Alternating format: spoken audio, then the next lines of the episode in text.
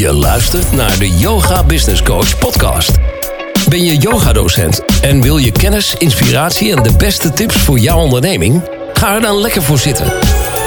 Want hier is, vanaf haar mat, helemaal zen en bruisend van de beste ideeën. Met interviews, Q&A's en talks. Corine van Zoelen.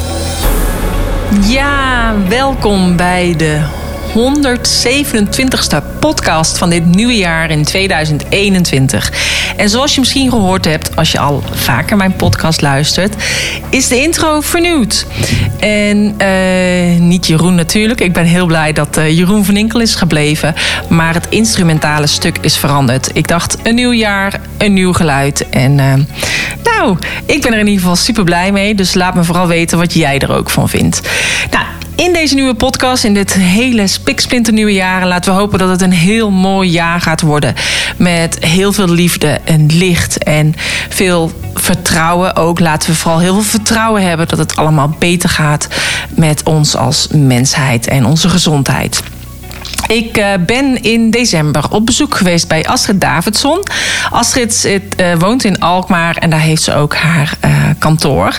En ze had een nieuw kantoor waar ik op bezoek ben geweest. Ze keek echt helemaal uit over het water en over de bomen. Het is echt gewoon prachtig. Um, Astrid heeft een praktijk dus in Alkmaar op haar kantoor. En um, die praktijk heet De Zon in je Leven. Zij geeft daar hypnosesessies, één op één. Uh, vooral eigenlijk omdat ze dat heel erg leuk vindt. Maar ze heeft ook een boek geschreven, Prima is Perfect. Uh, wat vooral gericht is op uh, perfectionisme. En ze geeft daarin ook online trainingen via haar online academie. En die heet De Zonnebank. Nou, uh, ze maakt al sinds 2,5 jaar de Zon in je Leven podcast. Eigenlijk een beetje dezelfde tijd begonnen als ik. En uh, met die podcast wil ze graag mensen inspireren om te ontdekken hoe ze meer van zichzelf kunnen houden. Want zelfliefde is echt de sleutel naar het kunnen leven vanuit je hart en je ziel, volgens Astrid. Nou, dat klinkt natuurlijk allemaal heel prachtig. En de meeste mensen weten in hun hoofd ook wel dat ze goed genoeg zijn. Maar hebben door allerlei onbewuste negatieve overtuigingen toch vaak de grootste moeite om dit echt te voelen. En als je dat dus niet voelt, dan heb je de neiging om veel te hard je best te willen doen om jezelf te bewijzen of om iemand te zijn, met alle gevolgen van dien. En het doorbreken van die negatieve zelfhypnose, dat is de kern van al het werk van Astrid. Nou, meer informatie over Astrid kun je vinden op de show notes pagina www.deyogabusinesscoach.com slash 127. Daar vind je ook een link naar uh, de homepage van Astrid. Ook sowieso naar haar social media kanalen. En daar kun je dus een perfectionisme test gaan doen. En je krijgt uh, gratis een soort van preview van 29 pagina's van haar boek. Uh, als je dus die test doet, die perfectionisme test, dan scoor je dus rood of oranje. En dat is dus heel erg raadzaam om je dan even verder te verdiepen. Want hoewel perfectionistisch zijn voor sommigen helaas nog steeds klinkt als iets positiefs en goeds, zitten er ook wel nare kanten aan. Um, ziekmakende kanten zelfs soms. Dus uh, zo is er een groot verband tussen enerzijds bijvoorbeeld burn-out, depressies, maar ook allerlei verslavingen en anderzijds perfectionisme. Dus het is niet iets om echt te onderschatten. Nou, mocht het zijn, als jij interesse hebt in haar boek, dan kun je dus kans maken op een boek Prima is Perfect van Astrid. Deel dan deze podcast en tag mij daarin, Corine Verzoelen, en tag haar Astrid Davidson. En je maakt dus kans op een gratis exemplaar. En de actie loopt tot eind januari. Verder vind je dus de social media kanalen en de website en hoe je dus mee kunt doen met de winactie en hoe je dus gratis haar uh, test kunt aanvragen, die perfectionisme test. Allemaal via mijn show notes pagina www.deyogabusinesscoach.nl slash 127.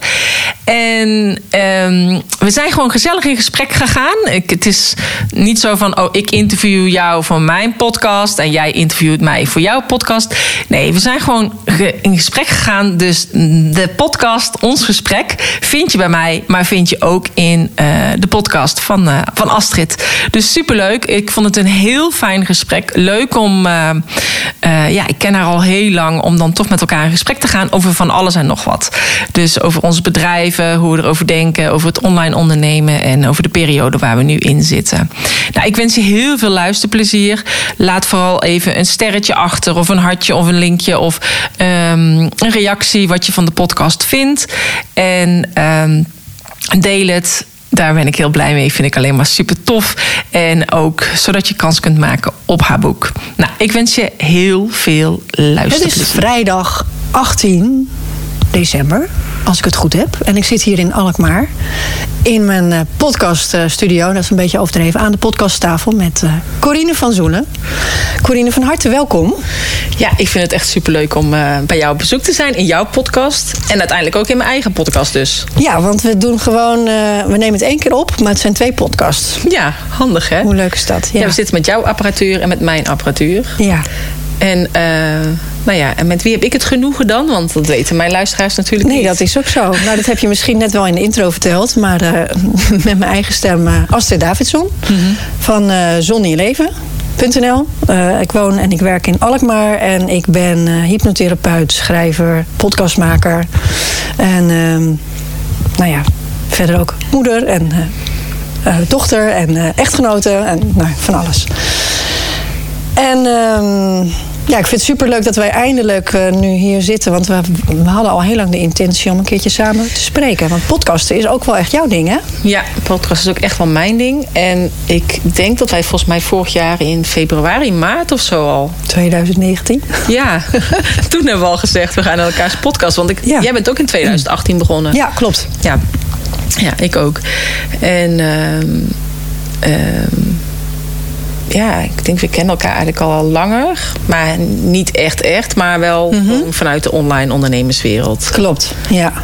En uh, bepaalde events waar we elkaar nog wel tegenkwamen. En ik kwam jouw naam gewoon heel veel tegen. En ik zag inderdaad hoe jij, nou, volgens mij echt wel een soort rolmodel bent geworden voor een bepaalde beroepsgroep. Hè. In dit geval de yogadocenten vooral. Mm -hmm.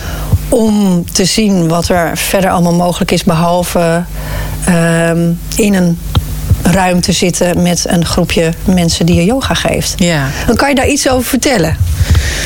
Hoe dat, Jouw verhaal, hoe ja. dat ontstaan is? Ja. Oh, uh, ja, ik weet nog, dat wil ik nog wel even één ding zeggen. Als vergeet ik dat zo meteen te zeggen, ja. dan blijft het in mijn hoofd. Maar ik weet nog dat ik een keertje op een event was. En toen kwam jij ook. Ik weet niet of jij dat nog kan herinneren. Maar toen waren we aan het dansen. Ja. Het waren altijd leuke events. en dan waren we zo aan het dansen. En toen kwam jij ik voorbij en zei je... Hey, yoga boerderij. En toen dacht ik... Oh, Astrid kent mij. Oh, echt waar? Ja. want ik, ik, ik keek dan toch wel een beetje tegen haar op. Want ik vond dat jij het altijd heel goed deed. Mm -hmm. En dus heel zichtbaar was. Maar ja, ja, blijkbaar vond je mij dus ook zichtbaar. Ja. had je dat niet geweten. Nee. Maar um, ja, ik ben... Volgens mij was jij iets eerder uh, begonnen met online ondernemen. Volgens mij jij 2014 of zo, denk ik. Nee, 2015 denk ik. Oh, och, ja. toch? Oh. Ja.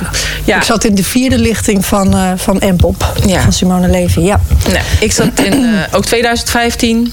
En... Um, uh, weet het nou? Ja, ik gaf dus yogales in mijn eigen studio. Alleen ik viel van de trap. Dus ik had mijn uh, schouderblad gebroken. En dat was in juni, vlak voor de zomervakantie. En ik had gelukkig wel uh, mijn rapporten allemaal al geschreven op school. Want op dat moment werkte ik nog als leerkracht voor, met kleuters. Ja. En... Um, ja, toen moest ik allemaal inval regelen voor mijn, uh, voor mijn yogalessen. En ik was al heel lang van plan om eigenlijk iets online te gaan doen. Maar ik dacht alleen, ja, wanneer en hoe. En ja, ik heb daar gewoon uh, geen tijd voor. Mm -hmm.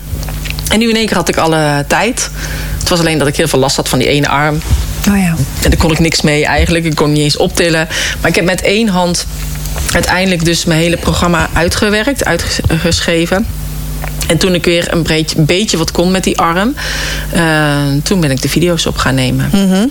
En dat was eigenlijk meteen heel uh, succesvol. Terwijl, ja, op dat moment kreeg ik natuurlijk heel veel commentaar. Ja, ja je was natuurlijk uh, dingen anders aan het doen. Ja, Dan valt dat op, hè? Ja, dus ik kreeg commentaar van het kan niet. En online heb je niet hetzelfde effect met, ja, met je leerlingen. En dan kunnen ze blessures krijgen. Uit welke hoek kwam dat commentaar dan? Nou, voornamelijk uit de yoga-wereldhoek. Oké, okay, gewoon je eigen hoek eigenlijk. Ja. Die dan uh, probeert toch van, hé, hé, hé, wacht eens even. Ja, ik weet niet. Ik denk ook niet dat het bewust is. Weet je wel? Ik Nee. denk net als met familie, Anders. die willen je ook waarschuwen. Ja. Hè? Dus eh, van, eh, zou je dat nou wel doen? Want Ja. ja, ze willen je toch gewoon ja, beschermen eigenlijk. Ja, Dus het is niet dat, ze, dat het bewust is, maar ik kreeg wel opmerking van ja, maar dat kan niet online. Mhm. Maar ehm, ja, ik wist ook niet of het kon. Maar ik dacht, ik ga het gewoon proberen. Ja. En, ehm, En waarom wou je dat eigenlijk? Nou, ik wilde heel graag meer mensen bereiken. En eh, het was dus ook zo dat ik bijvoorbeeld inderdaad met op feestjes zat. Dat familie van mij in Brabant zei van ja, het is eh, jammer dat je zo ver weg woont. Anders was ik bij jou op de yoga gegaan. Oh ja, ja. ja. En eh, dus ik dacht van ja, op deze manier ja, kunnen zij wel les bij mij volgen. Mhm. Ja. Dus eh, dat was eigenlijk een beetje eh, de reden. En, ja. en ik dacht, ik wil graag meerdere mensen bereiken met mijn lessen. In plaats van alleen in mijn eigen studio. Mhm. Uiteindelijk heb je dan allemaal weer van die stemmetjes natuurlijk van. eh, ja, maar wie zit er op jou te wachten? Heb je die stemmetjes gehad? Of eh, nog wel eens? ik heb ze nog steeds wel. Ja, jij niet? Ik denk dat dat blijft. tuurlijk. Alleen komt Ja, het elke keer ook. op een, op een diepere laag. Ja. Ja, dus en, eh, maar toen had ik dus de eerste keer al die stemmetjes. Ja. En, eh, maar ik dacht van ja, weet je, ik heb mijn eigen leerlingen in, in Lelystad. Dus ik zal die ook gewoon wel in Nederland krijgen. Dat is een hele dacht helpende gedachte. Ja, Ja, toch? Nee, ja, want ja, in, Ne- in Lelystad waren ook meerdere yoga studio's. Maar bij mij was het echt druk en ik had een wachtlijst. En, dus ik dacht van ja, d- dan zal dat voor de rest ook wel zo gebeuren. En uiteindelijk was het een hartstikke succes. En Mhm. met mijn eerste challenge, dat was mijn chakra challenge, had ik 1780 deelnemers. Ja. En niet alleen in Nederland, maar ook echt in België en Frankrijk en Ja. Oostenrijk, Zwitserland. Maar ook Turkije, want ik heb in Turkije gewerkt. Dus eh, ik had ook Nederlandse vriendinnen in Turkije. Ja. Eh, maar ook Amerika, Vietnam. Geweldig, China. hè? Ja, dus een ik had echt... idee als je dan ook zo zit, hè? Met je, je, Ja. met je dingen aan het doen en je weet dat het gaat gewoon wereldwijd. Ja, en ook weet je dat je dan dus me- vanaf de eerste dag deed ik een moedra. En dat mensen zeiden, oh ik voelde het helemaal warm worden bij mijn stuitje. En ik zag de kleur rood en ik zag dit. En toen dacht ik, zie je wel, weet je wel, zelfs als ik dus een vooropgenomen video maak. Eh, bereik ik dus hetzelfde effect bij de Ja. mensen als dat ze dus bij mij in mijn studio zitten. Ja, En toen dacht ik van ja, nee, dit, dit kan echt. dit is de weg. Ja, en Ja. uiteindelijk eh, had ik mijn eerste lancering 63 deelnemers. Mhm. Dan krijg je daarna weer van die stemmetjes die denken... ja, maar dat is één keer gelukt. Ja. Wil niet zeggen dat dat nog een keer lukt. Nee, nee. Nou ja, en, eh, maar uiteindelijk is het vaker gelukt. En kreeg ik allemaal mensen die zeiden van... ja, hoe doe je dat nou? En, dus die wilden eigenlijk allemaal van me leren. Mhm. En ehm, ja, zo is eigenlijk de yoga business coach ontstaan. Ja, want dat is het concept wat nu eigenlijk eh, jouw voornaamste ding is, of niet? Ja, dat is nu wel zeg maar, mijn voornaamste inkomstenstroom. Ja. En, maar uiteindelijk heb ik de yogaboerderij eh nog steeds. Niet meer de fysieke lessen. Die heb ik vorig jaar, januari 2019, eh, ben ik daarmee gestopt. Ja. Heb ik eigenlijk alles overgedragen aan een collega eh yogaschool. Hoe voelde dat om echt dat laatste stukje af te sluiten? Ja, vond ik heel lastig wel. Ja. Ja, ik heb er wel meer dan een jaar over nagedacht. Maar op een gegeven moment kan het gewoon niet meer. Nee. Nee. En is het nu oké? Ja, het was eigenlijk al meteen heel snel oké. Maar het is wel, weet je, je, je denkt dan over na, maar je wilt dan eigenlijk liever niet doen. Dan denk je, ja, maar die leerlingen die zijn altijd voor mij geweest en dan kan ik ze laten vallen. Waar Ze ze bouwen op me. Ja, aan verantwoordelijkheid. dat. En, eh, maar uiteindelijk dacht ik van nee, ik moet het toch gewoon doen. Ook om die ruimte te creëren voor mezelf. Want nu had ik bijvoorbeeld dan een dag een, een VIP-dag. Of ik had een coach calls. Of ik ging dan zeg maar ergens heen om naar een event om zelf weer dingen bij te leren of eh, trainingsdagen. En dan moest ik ook nog weer mijn lessen voorbereiden en dan die lessen. Dus het was steeds zo switchen van de ene wereld naar de andere wereld. Elke keer weer een nieuwe pet op. Wat ben ik vandaag? Yoga docent en vandaag. Ja, ja. Yoga business coach Dus het geeft ook rust nu om dat stuk gewoon eh, overgedragen te hebben, lijkt me. Ja. ja. En ik heb bijvoorbeeld wel al mijn online yoga programma's. Die heb ik allemaal nog wel. Want ik heb uiteindelijk programma's over chakras gemaakt. Meridianen, over de dosha's. de zeven spirituele wetten van Deepak Chopra. Dus dat, die programma's heb ik allemaal nog. En die worden eigenlijk ook nog steeds afgenomen. Zelfs gisteren heb ik nog twee eh, zeven weken chakra yoga programma's verkocht. Oké. Ja. Ja. Dus en nu leer jij eigenlijk andere yoga-docenten ook om een online business te, op te zetten en ja, te runnen. precies. En dan niet alleen yogadocent. Ik heb uiteindelijk ook eh, coaches, therapeuten. Dat is veel breder. Ja. Ja, weet je, ik richt me op yogadocenten. Ja. Maar dat is wat Jos Burgers altijd zo mooi zegt. Je moet inderdaad in je etalage zeggen waar mensen jou aan kunnen onthouden. Ja. Maar in je winkel zit nog veel meer. Ja, ja, precies. En ehm, kijk, met yogadocenten kan ik me het meest mee eh vereenzelvigen ook. Ik snap Tuurlijk. waar ze tegenaan lopen. Ja. Ze krijgen ook op de opleiding te horen van... ja, hier kan je nooit je geld mee verdienen. Nou ja, Ja. Dat, dat is niet waar. Nee. In mijn ogen. Kijk, en Nee, nou ja, ieder- je laat dat ook zien. Ja, bedoel, maar het kan je waarheid zijn, maar dat hoeft niet. Nee, precies. En, en het hoeft ook niet. Hè. Je hoeft er ook niet zeg maar, je geld mee te verdienen. Nee. hè. Ik bedoel, er zijn er ook heel veel die hebben nog een baan en die willen het gewoon erbij doen. Het is gewoon goed zo. Ja. Als een hobby. En dan is het ook goed. Ja. Maar als je echt denkt, ik wil een studio neerzetten en ik wil ervan leven. Ja, dan is het wel heel fijn om online als extra inkomstenbron erbij Ja. te hebben. Ja. Maar ik weet dat zelfs vorig jaar vonden mensen het nog een raar idee. Mhm. Ik heb toen nog een keer een video gedeeld van, ehm, eh, van Maurice de Hond bij Sonja Barend van heel lang geleden. Ik weet niet of je die video kent. Dat weet ik zo niet. Oh, nou, dan vertelt hij van later, dan kunnen wij onze bankstellen bestellen. via Oh ja, ja, ja, dat, ja, heb ik nog wel voorbij zien komen. Ja, klopt. Ja. En eh, ja, maar ik wil erop zitten, zegt Sonja dan. Weet je wel? Ja, en, en onze koelkast die kunnen we dan uit China bestellen. Nou, dat is dan heel gek. Ja, maar dat is een ramp voor de platenwinkels dan als we onze muziek Ja. via het internet kunnen kopen. Ja. En ehm, dat heb ik toen nog gedeeld en toen vond iedereen dat nog raar. Maar ik denk van ja, kijk, maar bij de IKEA kun je nu ook al jouw eigen woonkamer erin Ja. zetten. Ja. En dan kun je die meubels erin plaatsen om te zien hoe of wat. Dus het is gewoon zo.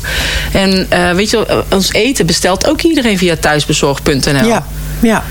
Dus waarom ook niet? Mhm. Eh, Dus online eh, les. En weet je, uiteindelijk zijn, ehm, is het niet dat ze alleen maar yogalessen geven. Het is echt wel dat ze ook een programma maken. Ja. Want ik zeg, kijk, gratis yogalessen vind je overal op YouTube. Ja. Dus wat ga je doen zodat jij toch wel uniek bent in wat je aanbiedt. Mhm. Zodat je de meeste mensen kunt volgen. En ja, de juiste mensen jou volgen. En ja, dat is gewoon wat ik ook heel tof vind om aan mee te denken. Ja. Omdat iedereen toch een soort van blinde vlek heeft. Ja, en dan kijken juist van, hé, hey, wat is bij diegene het unieke stukje? Of Ja. wat, wat, wat zou eh, die andere... En dat vind ik eigenlijk altijd wel heel erg leuk om dat dan dus eh, ja, neer te zetten. En nu natuurlijk met, eh, ja, toen, toen dat eh killervirus in Nederland kwam. Die, ehm, ja, Ja, ze toen, met een grote glimlach. ja, nee. ja, toen, eh, ja toen, toen was er natuurlijk paniek. En toen was er bij mij ook nog paniek, hè. Mhm. Want toen... eh, Ja, het was ook onbekend. Het overviel ons allemaal. Ja, iedereen dacht, huh, wat is hier nou aan de hand? En ik dacht ook echt van, oh shit, weet je wel, ze moeten het wel door kunnen gaan. Want eh, ze moeten dus via eh, livestream moeten ze door kunnen gaan. Gewoon dat Ja. ze online les, les kunnen geven. En of dat dan via Zoom is of via Webinar Geek of, of, an- of via Facebook Live. Dat is dan aan hun, wat ze zelf willen. Ehm, maar ze moeten wel door kunnen blijven lesgeven... zodat ze geen inkomstenderving hebben... en in ieder geval aan hun verplichting voldoen. En voor de mensen die thuis zitten... is het belangrijk om in beweging te blijven voor hun immuunsysteem. Ja. Dus ik heb toen op ehm, vrijdagavond een webinar eruit gegooid, zeg maar. En toen ging ik die zaterdag om twee uur geven. Maar toen moest ik dus nog die hele PowerPoint eh, maken. Dus toen heb ik echt... eh, nou, ik kon niet met slapen, want in mijn hoofd zat natuurlijk alles van... oh, ik moet ze dit uitleggen en dat uitleggen. En toen ben ik echt... ehm, Zaterdagochtend heel vroeg eruit gegaan. Toen heb ik alles eh, gemaakt. En toen ben ik om twee uur live gegaan. Op dat moment waren er al 350 mensen ook live aanwezig. Ik, heb nog nooit, zeg maar, een eh, ja, power talk noem ik ze. Eh, maar in ieder geval een power talk of webinar gegeven met zoveel eh, mensen. Ik weet niet, jij misschien wel, maar... Nou, live in het moment is het. De, de aanmeldingen zijn soms honderden, 600, Ja. 700. Maar als er meer, dan- meer dan 200 zijn, dan was het bij mij echt ook veel. Ja. Dus 350, dat vind ik heel veel. Ja, het was echt veel. En Ja. ik dacht echt, wow. En ik, die hele chat die ging zo al heel... Ja, explodeerde. Ja, echt. Ongelooflijk. Maar ehm, ja, ik heb daar wel echt heel veel uitgelegd. Zodat ze wel aan de slag konden gaan. En, en heel veel vonden het heel spannend. Eh, is- ik heb de verschillende systemen uitgelegd. En wat, wat het voordeel van het een was en het nadeel van de ander. Wat Ja. het een kost en het ander kost. Heel Dus praktisch. eigenlijk ja, echt praktisch. Zodat ze aan de slag konden gaan. Nou, daarna zag ik allemaal de docenten voorbij komen op Instagram Live. Die had ik ook uitgelegd. En Facebook Mhm. Live. En eh, ja, vond ik het wel heel tof om te zien dat ze allemaal zo flexibel waren. En het zo goed hebben Ja. neergezet eigenlijk. Ja. Eh, ja. ja, dus nu is dat niet meer raar opeens. Hè? Want dat heeft Nee, deze tijd dus toen was het niet meer raar. En toen kreeg ik ook echt heel, van heel veel mensen zeg maar, de opmerking van... oh, het is zo fijn om nog contact te houden met de mensen. En het geeft echt verbinding. En het verbaast me eigenlijk dat het zo fijn is. Mhm. Kijk, en er zijn ook yogadocenten die zeiden... ja, het kost mij heel veel energie, want je zit toch achter die laptop. Eh, maar er zijn ook yogadocenten die zeggen van... ja, het kost mij juist eh, geen, minder energie. Want in mijn studio ben ik bezig om van tevoren de thee klaar te maken. En we hadden alles netjes te doen. En mijn kaarsjes aan te steken. En na afloop weer even alle de dekentjes toch allemaal weer netjes in de kast eh, Ja. te doen. Ja. En eh, blij- laten mensen toch eigenlijk hun energie achter Mhm. in de studio. Want ja, ze, ze komen vaak vermoeid of gestrest binnen. En ze gaan relaxed naar buiten. Ja, dus dat blijft dan toch een beetje hangen. Dus dat is ook wel heel... ehm, eh, eh, ja, vind ik goed om te zien dat ook daarin iedereen nu wel echt zijn keus maakt van... ja, ik ben echt van de online of ik ga online meer inzetten. Ja. En de ander meer van... ehm, Ja, dus door een noodgedwongen iets Ja. heb je inderdaad, als je daar eh, voor open staat, heb je de kans om iets te ontdekken waarvan je nog niet wist dat het voor jou misschien iets zou zijn. Ja, en ik vind Mooi. het ook wel eh, mooi, weet je, dat je denkt van ja, ik heb het altijd gezegd, maar dan ja, is het, ja, willen mensen niet luisteren tussen haakjes of. Tijd is nog niet rijp. Ja, ze zijn er gewoon nog niet klaar voor. Ja. En eh, dan vind ik het wel fijn dat ze nu wel zien van, oh, het werkt wel echt zo. Ja. Het is wel echt fijn. Ja, En Nee. Ja, alles, alles heeft inderdaad zijn tijd nodig. Dat is hetzelfde als met thuiswerken, wat nooit kon. Ja. Of eh, onderwijs hè, vanaf, eh, vanaf thuis, waarvan je nu kunt zeggen: Oh, dat is echt minder. Maar ja, er zijn ook heel veel kinderen voor wie dat juist fijn is. Of ik hoor mijn dochter ook van: hey, de docenten moeten nu keuzes maken. eh, dat ze de leerlingen niet diezelfde les nu kunnen geven als in de klas. Want het is vermoeiender achter het scherm. Dus ze komen meer to the point. Nou, ja, er zitten allemaal ook weer. Het is één grote ontdekkingstocht eigenlijk Ja. dit jaar, vind ik. Ja, maar ook dat vond ik wel eigenlijk opvallend. Dat ehm, ja, ook die leraren waren natuurlijk helemaal in de stress toen hè, Ja. van school. Ja. En eh, dat ik ook, tegen mijn dochter zei: Goh, ik wil best wel even helpen. Weet je, als ze weten wat Ja. voor systeem ze Ja, moeten doen. Of- kennis. ja.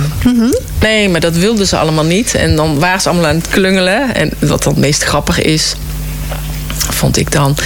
Ik vond het wel grappig. maar dat sommige leraren het inderdaad dan niet wisten. En dat dan die kinderen zeiden: Ja, juf, dan moet je op die knop drukken. En dat dan gewoon helemaal eruit vlogen. Oh ja, ja, ja. Ja.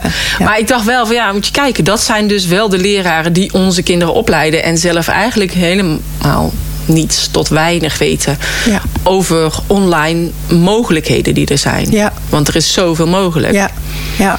En eh, ja, Nou, dat is, dat is wel interessant. Ik zat van de week met een half oor te luisteren naar een eh, eh, ja, soort open dag eh, presentatie. Er zijn nu geen open dagen voor universiteiten en hogescholen. En mijn dochter die zit in 5 VWO, dus die had zich ingeschreven voor een aantal dingen. Ze vindt het heel moeilijk, ze wil eigenlijk helemaal niet kiezen. Maar wat was het? Ik geloof communicatiewetenschap. En dan was er een student, een ouderejaars ook aan het vertellen nu. Van wat kun je er allemaal mee worden en zo. Maar ik moest ook wel een beetje lachen. Want, want hoe er dus gesproken wordt over mensen. Nou ja, nou ja, onze generatie. Ik denk dat wij, Corine, op onze leeftijd. behoorlijk eh, eh, bij zijn met wat er kan. En dan nog is er nog heel veel meer wat, wat kan, wat wij niet eh, meekrijgen. Ja. Maar dat gat wat er is, dat benoemde hij ook van. Ja, maar weet je, die mensen die daar allemaal op communicatieafdelingen zitten, die hebben geen idee. En dan komen wij er natuurlijk met onze kennis. En ja, dat, daar zit wel een heel groot gat. Wat, Ja. Waardoor heel veel kansen gewoon gemist worden. En. ehm, we zitten nu niet meer, tenminste, ik zit niet meer zo heel erg nu in die online bubbel met al die ondernemers. In de tijd dat ik dat programma volgde wel. En dan ga je allemaal zo denken, hè, van eh, oh, allemaal kansen en ondernemen. Ja. Ik dacht echt ook dat heel Nederland daar inmiddels dan ook open voor stond. ja, maar dat is echt niet zo. Mensen keken mij aan op netwerkborrels en zeiden on- online ondernemen. Ja. Ja, vond ik heel eh, interessant. Ik zit ook bij de Flevolandse Zakenvrouwenvereniging. Ja. En ja, er zitten echt wel heel veel vrouwen hoor. Maar ik denk dat ik. eh, ja, ik ben samen met één andere vrouw, de enige twee, die ook iets online doen. En het zijn echt vrouwen met goede bedrijven. Ja, ja.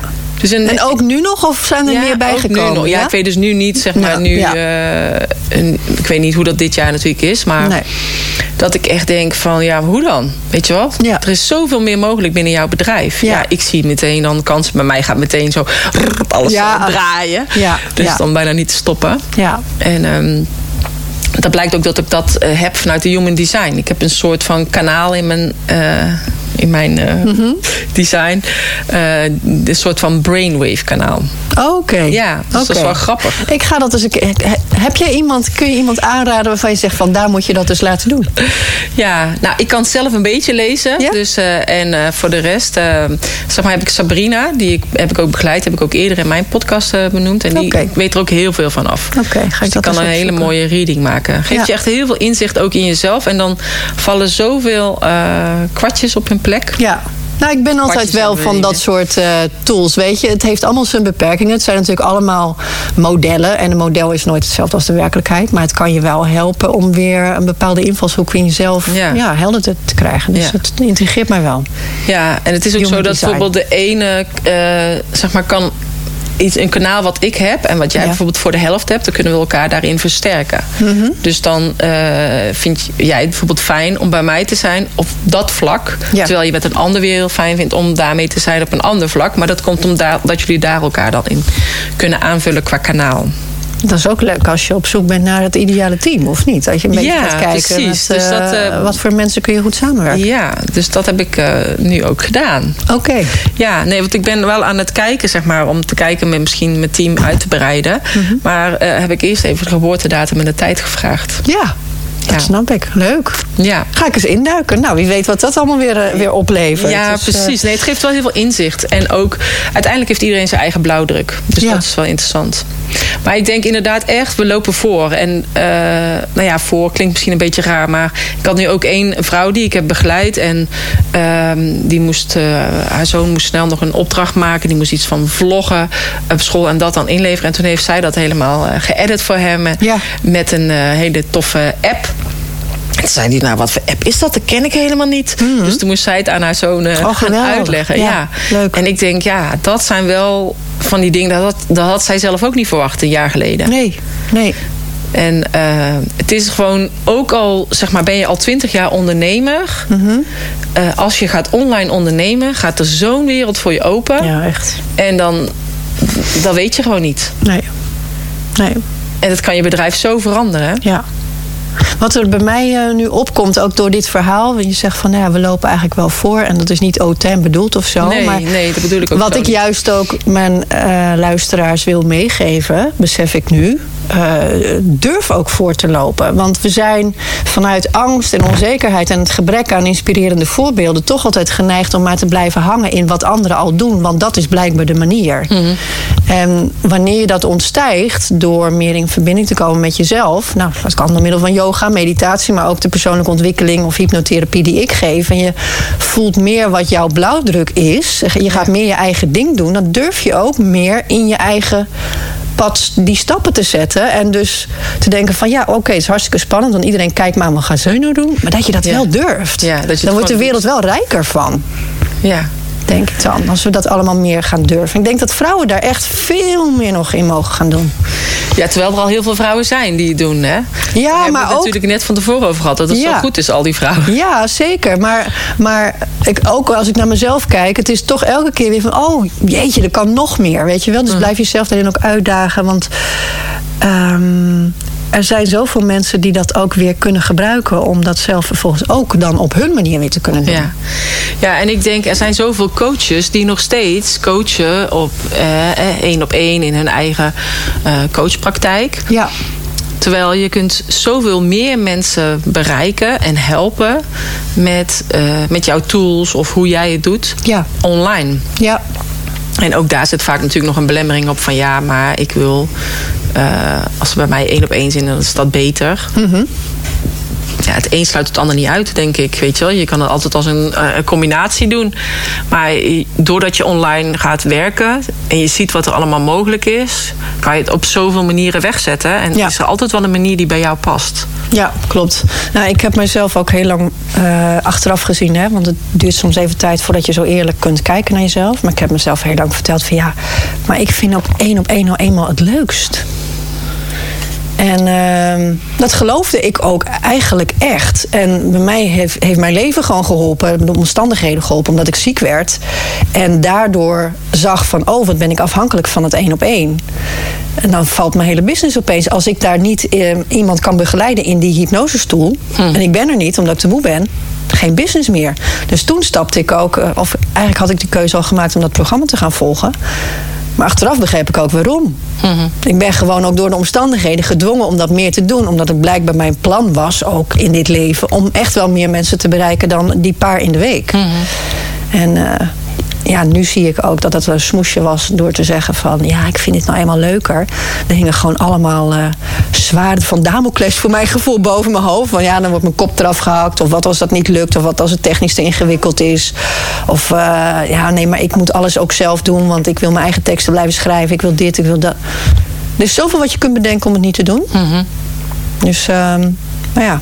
Ja, om het uiteindelijk wel te doen, ja, dat kun je alleen maar zelf beslissen. Ja, ja. En voor, er zullen ook genoeg mensen zijn voor wie het echt veel leuker eh, of beter voelt om, om het te blijven doen zoals ze doen. Maar Mhm. nou, ik merk wel dat ik echt heel blij word van eh, hoe meer mensen ik kan eh, aansteken met iets. Ja. Ja, ik denk van. ja, daar word ik toch persoonlijk heel blij van. ja, en ik vind het ook nog steeds leuk wel om mensen één op één te begeleiden hoor. Dus eh, ik heb Ik ook, heel en? veel mensen in de groep. Eh, maar ook, zeg maar, ja, om ze ook echt live te zien vind ik ook wel leuk. Dus ik Ja. had bijvoorbeeld ook dit jaar met mijn training had ik ehm, in de online training ook twee dagen erin zitten. Eén keertje in juni en één in september. Dat we elkaar allemaal live zagen. Nou, in juni was dan dus weer eh, een beetje lastig. Dus hebben we de groep heb ik gesplitst in twee, eh, weer in twee dagen. Dat we niet met een te grote groep waren. Ja. Ja, ik ga, ik ga dat nu wel anders doen ook. Omdat je gewoon niet van tevoren weet hoe het allemaal gaat lopen. Dus heb ik ook geen, wil ik ook niet van tevoren alweer druk moeten maken van kan het doorgaan? Of moet ik dan de locatie afzeggen of dat soort dingen. Dus ik ga het wel eh, inderdaad in 2021 een andere vorm gieten. Oké. Ja. Oké. Maar ja, zo blijf je altijd bezig, denk ik. Maar dat is ook het ondernemen. Ja. Om elke keer weer te schakelen en te denken... oké, hoe kan ik het dan nu weer anders doen? Ehm, ja, dat het toch wel van mij blijft. Mijn idee, mijn energie. Ja. Nog meer persoonlijke begeleiding. En dan ja, op een andere manier. Ja. Is er ook iets waar je wel eens gek van wordt qua ondernemen? Of dat je denkt, oh, waarom heb ik niet gewoon puntje, puntje, puntje? Of niet? Of is het echt alleen Nee, maar... heb ik eigenlijk Nee. helemaal nog niet gehad. Stom is dat, hè? Nee, dat is wel eh, heel fijn, toch? Ja. Ja, nee. Ja. Nee, ik heb eh, zeg maar... eh, ik heb heel veel banen gehad. Hè. Ik heb in de verzekeringen gezeten. En het onderwijs. En Wat voor verzekering? Moest je ze verkopen of wat deed je? Of moest je ze uitkeren? Nee, ik deed de administratie, Oh, ja. ik. Ja. Ehm, ik ben secretaresse geweest. Ja. Dus onderwijs, reiswereld, nou ja, noem maar, Ja, op. ja. Ik, ja. Maar hoe kwam de yoga dan op jouw pad? Ehm, eigenlijk voor me, ik deed zelf yoga omdat ik altijd last had van mijn rug. En daarna heb ik eigenlijk geen last meer gehad. Hmm. En ehm, dat mijn zoon eigenlijk ADHD had. Nou ja, toen ik al die vragen moest invullen, dacht ik, nou, dan heb ik het ook. Als Hmm. ik voor hem, waar, waar ik bij hem ja op kan zeggen, kan ik voor mezelf ook ja zeggen. Hmm. En eh, toen dacht ik, ja, misschien kan ik wel kinderyogaopleiding gaan doen. Oké, Zo is het eigenlijk een beetje begonnen Ja. voor hem. ja. Dus dat heb je toen ook gedaan? Dus en heb je uiteindelijk ook kinderyoga gegeven? ja, of ik heb dat kinderyoga gegeven. Oh. Ik ben er ook bij Omroep Max geweest met de kinderyoga. Echt waar? Oh, Ja. Het staat vast op je website of zo'n filmpje of niet? Oh, dan Ja. ga ik kijken.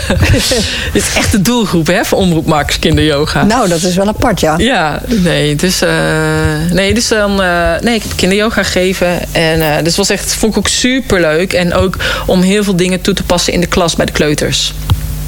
Want kinderyoga is veel meer dan alleen maar de houdingen. Er Ja. zijn ook zintuigoefeningen. En uh, ja, het is gewoon, je kunt het echt gewoon eigenlijk overal tussendoor uh, mm -hmm. verweven ook. Mm -hmm. Tijdens je les. Ja, jouw kinderen zijn al wat ouder, maar heb je ook het idee dat er meer en meer aandacht komt voor scholen om toch ergens wel een beetje meer daar aandacht aan te besteden? Of niet? Nou, het was heel lastig nog om het op scholen te doen, zeg maar. Of er is ook geen budget voor natuurlijk. Dus mm. ik ging dan op mijn vrije dag... Ik werkte parttime op school, maar op mijn vrije dag ging ik dan de andere klassen rond... om daar dan kinderyoga te geven. Oh.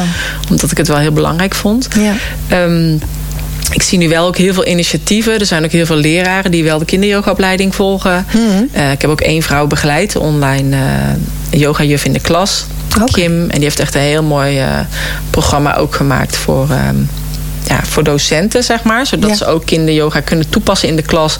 En zij heeft ook video's gemaakt uh, voor, voor in de klas.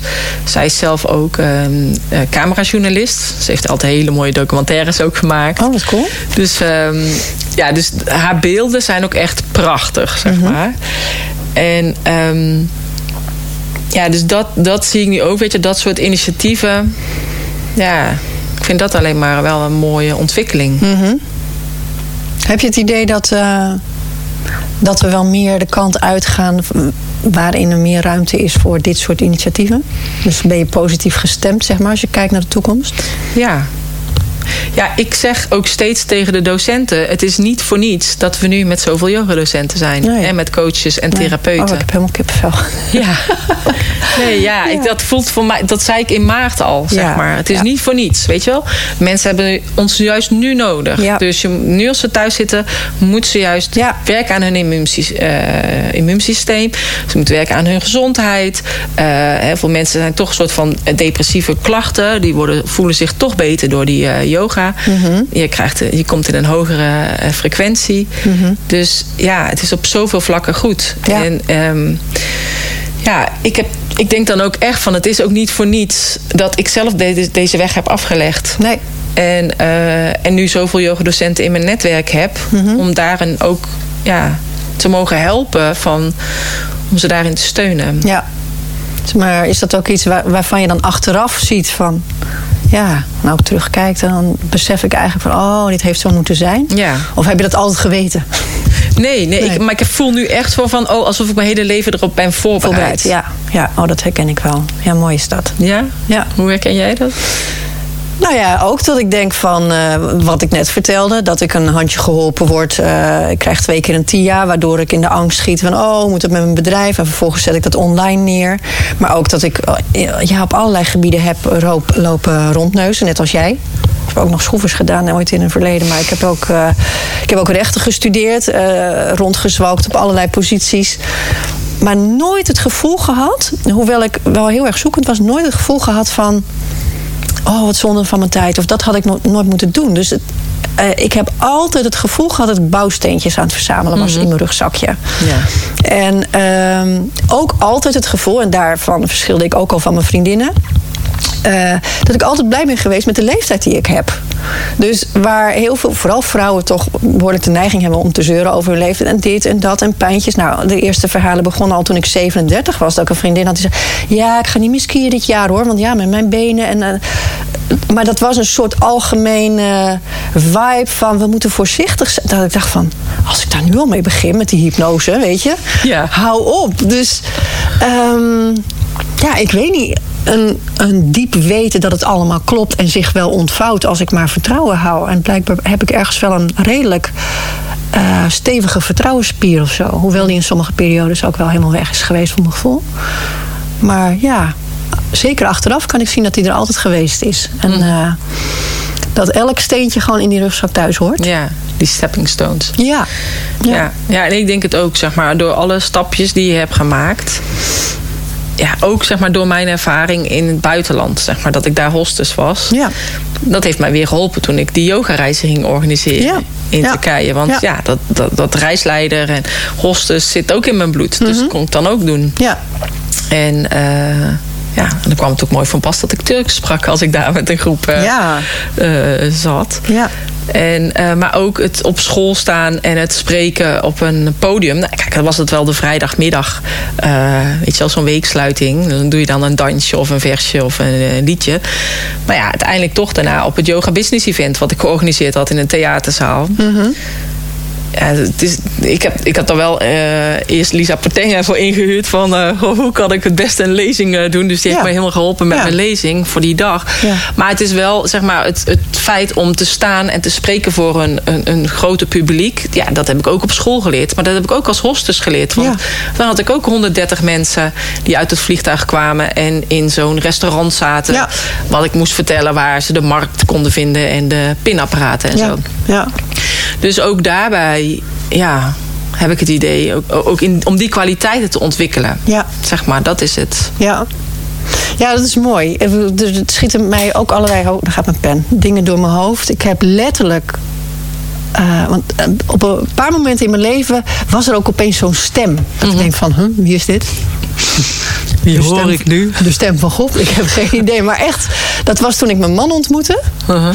Ehm, in Parijs. Eh, die kende ik nog niet. Hij kwam eh, helemaal uh, stront, strontzat. Kwam hij op, op Koninginnedag, 30 april 1998, kwam hij het café van mijn zusje binnen. Café Klein Holland, daar kwamen alle Nederlanders. En hij kwam binnen met een groep anderen. En ik zag hem en onze blikken kruis, kruisten. En ja, ik kende hem helemaal niet. Maar het was nou, een soort vuurwerk. Met hem ga je trouwen. Dat was die stem. Oh, echt? Ja, echt bizar. Nou ja, later, want ons verhaal is begonnen. Hij stapte op mij af. Hey! Ik denk, nou wat een leuke man. En die vier zoenen hè, op zijn Parijs. Maar ja, hij zag uh, door alle biertjes niet dat ik mijn zusje niet was. Hij was stamgast. dus, uh, en ik had een oranje muts op en zo. Ik was beschilderd. Dus zo begon ons verhaal. Maar wel van, met hem ga je trouwen. Ja.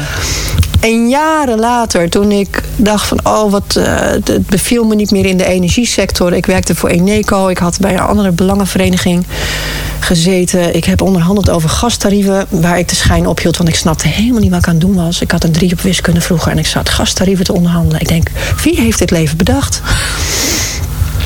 En toen uh, was ik op een feestje en dan kwam ik een meneer tegen. Het was uh, de zwager van een vriendin van mij. En het was een soort sollicitatiegesprek. Want die, die zei van ja, ik hoorde dat je een baan zoekt. En uh, nou, ik ben net met een start-up bezig. En ik heb eigenlijk iemand nodig. Ja, schaap met vijf poten. En dan was ik altijd wel. Ik wilde nooit kiezen, dus ik deed van alles. En uh, nou, ik heb iemand nodig voor dat en voor dat. Uh, onderhandelen of uh, gesprekken voeren met de notaris. Maar ook kantoormeubilair uitzoeken. En, en toen ook die stem. Dit is oefenen voor later.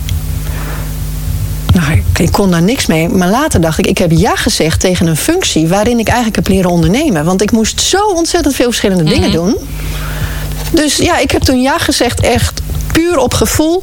En omdat die man bleef maar zeggen... oh, Davidson, we gaan leuke dingen doen. Dus helemaal niet functie beschrijven, want die was er helemaal niet. Nee. Dus dat is wat ik nu mijn kinderen eigenlijk ook leer. Van als er dingen komen op je pad. Bijvoorbeeld mijn zoon die werkt bij, uh, bij Scotch tegenwoordig. Uh, al, al een jaar denk ik inmiddels. En die begon.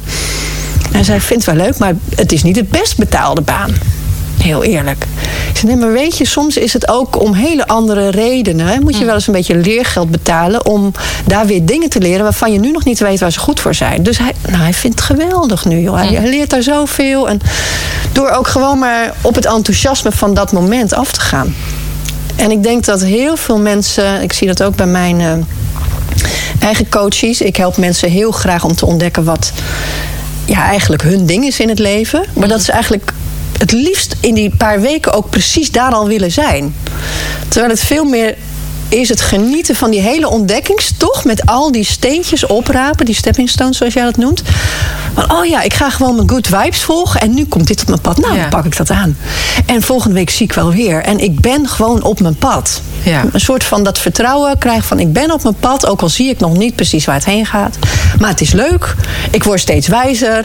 Uh, ik verzamel van alles en we zien het wel. Dat. Ja.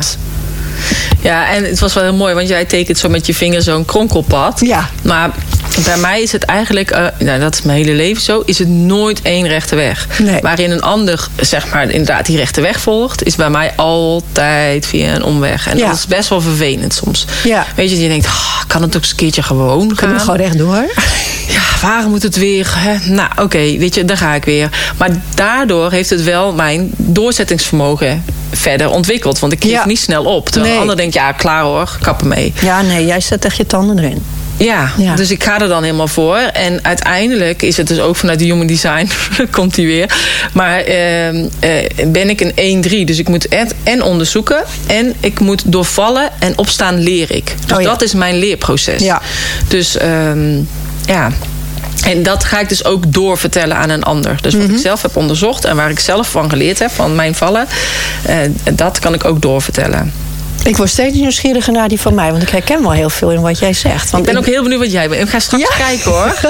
Ik, ga, ik ga je straks even een korte reading geven als we klaar zijn. doen we nog een PSje erachteraan straks met de uitkomst. Dat is wel grappig.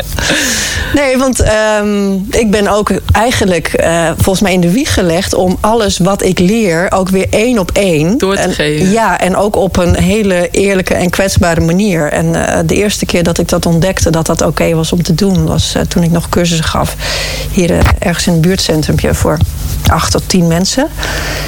En ik was altijd wel geneigd om de juf te willen spelen nog. Ja. Dus eh, ik stond nog net niet op een voetstuk. Maar ik vond het wel belangrijk dat ik voorbereid was. En eh, eh, nou ja, dat klinkt ook heel logisch natuurlijk. Maar zo ben ik nu helemaal niet meer. Ik bereid echt helemaal niks meer voor. Ik sterker nog, ik heb vorige week een training gegeven. Ik pak het. Ik pak de flip over erbij. Die is helemaal leeg. Ik zei, wie pakt even mijn flip over? Want die is belangrijk. Daar staat het programma van de middag op. Nou, helemaal leeg. Dus iedereen van, huh? Ik zei, ja, dit is het programma van de middag. dus het gaat nu echt helemaal vanuit flow. Maar ik stond toen nog echt mijn les af te draaien. En ehm, nou, daar leerden mensen ook wel van. Maar op een gegeven moment kwam er een verhaal in me op en dat moest ik delen. Want het, dat paste heel erg bij een punt wat ik wilde maken. En dat ging over iets wat mijzelf heel erg aangreep. Over een pijnlijke scheiding van goede vrienden. En, uh, dus ik vertelde daarover bepaalde dingen. En op een gegeven moment raakte iets mij zo persoonlijk... dat ik gewoon een traan voelde branden. En toen iets in mij dacht toen van... Oh, dit moet niet. Ja. Maar ik heb het toen wel laten gaan. Dus ik ben doorgegaan met dat verhaal. En het werd ook heel persoonlijk, want ik linkte het aan mijzelf. En het was zo. Nou ja, het was niet een grote groep, dus muisstil is niet heel moeilijk met twaalf. Maar het was op een andere manier stil, ademloos. Mensen hingen aan mijn lippen. En toen kwam het besef heel erg van dat die eerlijkheid en die kwetsbaarheid en dat dat helemaal oké okay is. En dat mm. mensen daar juist, dat ik ze daarmee raakte. Mm. En ik heb daarna ook nog best vaak gehoord van ja, je moet eerst echt iets helemaal hebben verwerkt voor dat en zo. Helemaal. Maar dat is bij mij niet zo. Bij mij is het, en dat kan voor iemand wel zo werken, maar ik deel op dat moment als een soort flap uit gewoon wat er is. Mm -hmm. En uh, blijkbaar werkt het dan in de interactie tussen mij en de ander van oh als dit heeft dat, het is voor mij ook oké okay om dat te voelen of zo. En dat vind ik zo lekker, dan hoef ik nooit meer iemand anders te worden. En prima is perfect. Ook dat nog. Ja, dus als ik dan inderdaad, uh, uh, ja, als er iets misgaat of uh, wat dan ook, dan is dat altijd een heerlijke hashtag, de titel van mijn boek. Ja, hoe ben je op die titel gekomen eigenlijk? Hij heeft mijn man me meegeholpen. Oh, echt? Um, ja, het is een beetje zo gaandeweg ontstaan. Ik had een training gedaan bij Open Circles van Nissan en Neta in die oh, tijd. Ja, ben ik ook nog heen geweest. 2012 ben ik daar geweest, oktober 2012, ja. ja. Vond ik wel life-changing ook wel een beetje. En wat heb je daar gevolgd? Dat, dat, dat grote event, zeg maar, waar ja. duizenden ondernemers naartoe de gingen? Business Bootcamp. Ja, ja. De, de bootcamp heb ik ook gedaan. En toen heb ik een paar jaar later, toen wilde ik dat boek schrijven. En toen had hij een training, How to Write Your Book in 28 days. Ja, klopt. Ik denk, dat klinkt wel goed. Dat Ja. gaan we even fixen. Ja, doe nou, het is geen 28 jaar geworden, maar wel 28 maanden ongeveer in plaats van dagen. Ehm, maar wat wou ik daar nou over zeggen? Kijk, nou wijd ik te veel uit in bijzinnetjes. Nee, de, de titel van je boek. Een titel van mijn boek. Ja, nee, ik had van hem geleerd dat het heel goed eh, eh, kan helpen om een bepaalde methode te doen. Omdat mensen dat dan heel goed kunnen onthouden. Dus eigenlijk was een toverformule die je zou kunnen toepassen. eh, gebruik een methode. Hè, als je tenminste een non-fictieboek doe een methode. En zoek letters bij die methode. Dus dat prima had ik al vrij snel. Van perfectionisme, P-R-I-M-A. Uh, het eerste is uh, het perfectionisme, want daar gaat het boek over. Vaststellen of je er last van hebt. Dan het resultaat bepalen, waar wil je naartoe? Nou, je wil daar waarschijnlijk van afkomen. Uh, dan de I van inspiratie, de M van mindset. Dat was eigenlijk al helemaal mijn ding. En de A van actie. Dus ik had de prima methode. Dus dat wilde ik ook in die titel hebben. En de titel was al iets van prima is ook perfect.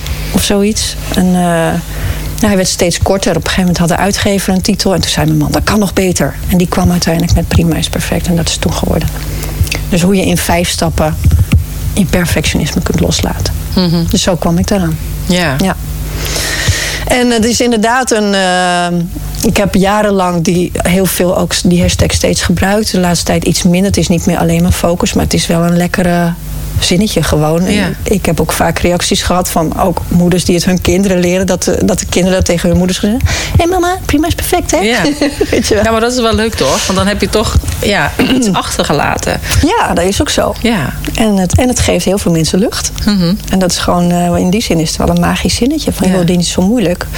Uh, altijd streven naar die tien. Terwijl een heerlijke, dikke zeven, dat is toch gewoon... Is ook goed. Is gewoon ja, ik denk uiteindelijk, weet je wel, het perfectionisme kan je ook gewoon zoveel tegenhouden. Ja. Omdat je dan maar blijft hangen in van wat er fout kan gaan of wat nog beter moet. Maar uiteindelijk wordt het altijd later nog beter dan dat je het nu oplevert. Ja. Dus ehm, kijk, dat is natuurlijk ook met mijn online programma's en mijn online trainingen en nu met mijn card deck. Ja, als het. eh, als ik het over vijf jaar zou zien, zou ik het heel anders doen dan dat ik het nu heb gedaan. Ja. Maar nu ben ik er echt super blij mee. Ja, en anders ga je het niet doen, hè? Want eh, het is perfectionisme en faalangst horen bij elkaar. Dus heel veel mensen hebben dat niet door. Maar als je die lat zo hoog legt. Ja, sommige mensen gaan het toch doen, maar nou, die branden gewoon op door het zo perfect te willen doen. En, en dan is het af. Dan vieren ze geen feestje. Want nee, ja, nee, dat is, is eh, niet helemaal perfect. Ja. Maar ook een hele batterij mensen die gaan niet in de actie. Want het is zo veelomvattend. Ja. Laat maar. En wie ben ik nou? Nou ja, en die twee, die herkennen heel veel mensen. En als je doorhebt dat het eigenlijk een mechanisme is wat komt vanuit angst. En vanuit je onzekerheid en vanuit je gevoel, ja, wie ben ik nou? Heb ik wel bestaansrecht? Mag ik er wel zijn? Moet ik nog niet eerst die of die worden? Ja, die, die hypnose, daar, dat is echt wel, dat is life-changing als je die achter je kunt laten. Als je beseft, hé, hey, ik ben hier, dus blijkbaar bestaansrecht. Ja. hey, wat gaan we vandaag doen? Iedereen heeft bestaansrecht, want je wordt geboren. Ja. Dus we hebben allemaal ons Ja, bestaansrecht. maar dat voelen is wel eh, voor de Ja. meeste mensen een reis, zeg maar. Ik denk ook dat dat het mee, dat is gewoon een universele probleem van de mens. Zeg maar. Ja. Dat je je niet goed genoeg voelt. Ja. En gisteren, ik weet niet meer precies, ik was ook met iemand in gesprek en toen kwam in één keer eh, zo dat zinnetje in één keer in mijn hoofd van wat we vroeger bij de kerk moesten doen. Mhm. Ik ben katholiek opgevoed, hè, Brabant. Van, eh, weet je, dan ging de pastoor iets zeggen, dan moest je dat nazeggen van dit is mijn schuld, dit is mijn grote schuld. En Oh. Ja. dat kwam in één keer in mijn hoofd. En toen dacht ik van ja, weet je wel, dat is er natuurlijk ook zo ingeramd vanuit Ja. de kerk. ja, klopt. Dat het onze schuld is. Ja. En dat zien we natuurlijk nu ook volop om ons heen. Ja. Wij zijn ook de schuldigen. Ja. Ja, we worden al, eh, hè, eh, ze zeggen wel kinderen of je handen in onschuld wassen, maar we komen eigenlijk al met schuld ter wereld, met dat eh, schuldgevoel, of het ons nou bewust zijn of niet. Want je kan zeggen, ik ben nooit naar de kerk geweest, maar je bent ook samengesteld uit hè, waar je voorouders uit bestonden, dus het zit toch in je. Ja. Want die kerkelijke, kerkelijke geschiedenis die is er gewoon geweest. En ik heb het in de hypnosestoel ook ervaren. Mensen die niks met de kerk hebben. Maar dan kwamen we in regressies of zo... bij allemaal schuldgevoelens van, eh, van ouders, opa's, oma's... die de mensen zelf gewoon ook nog steeds met zich meedragen. Dus er is heel veel eh, opschoonwerk eh, Ja. nog steeds ook nodig. Ja. ja, dat denk ik ook. Ja. Maar en hoe is het dan dat je bij de hypnose bent terechtgekomen? Dat je daarin bent gaan Nou, eigenlijk, ehm, ehm, ik was totally lost, zeg maar. Ik heb eh, eh, een leuke tijd gehad bij dat bedrijf waar ik net over vertelde. We hebben hele leuke dingen gedaan. Maar ik ben er wat te lang blijven hangen. Nou, Te lang is een oordeel, is ook niet zo. Ik durfde het niet eerder weg. Nee. En, eh, dus dat is ook helemaal goed. Maar in 2006 was het dan toch zo dat ik dacht van... wat dat betreft ben ik ook wel een aparte match met mijn man.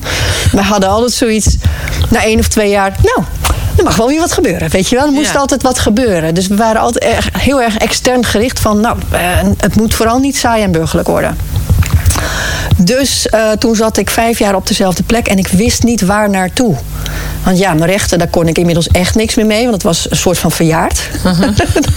mijn bul.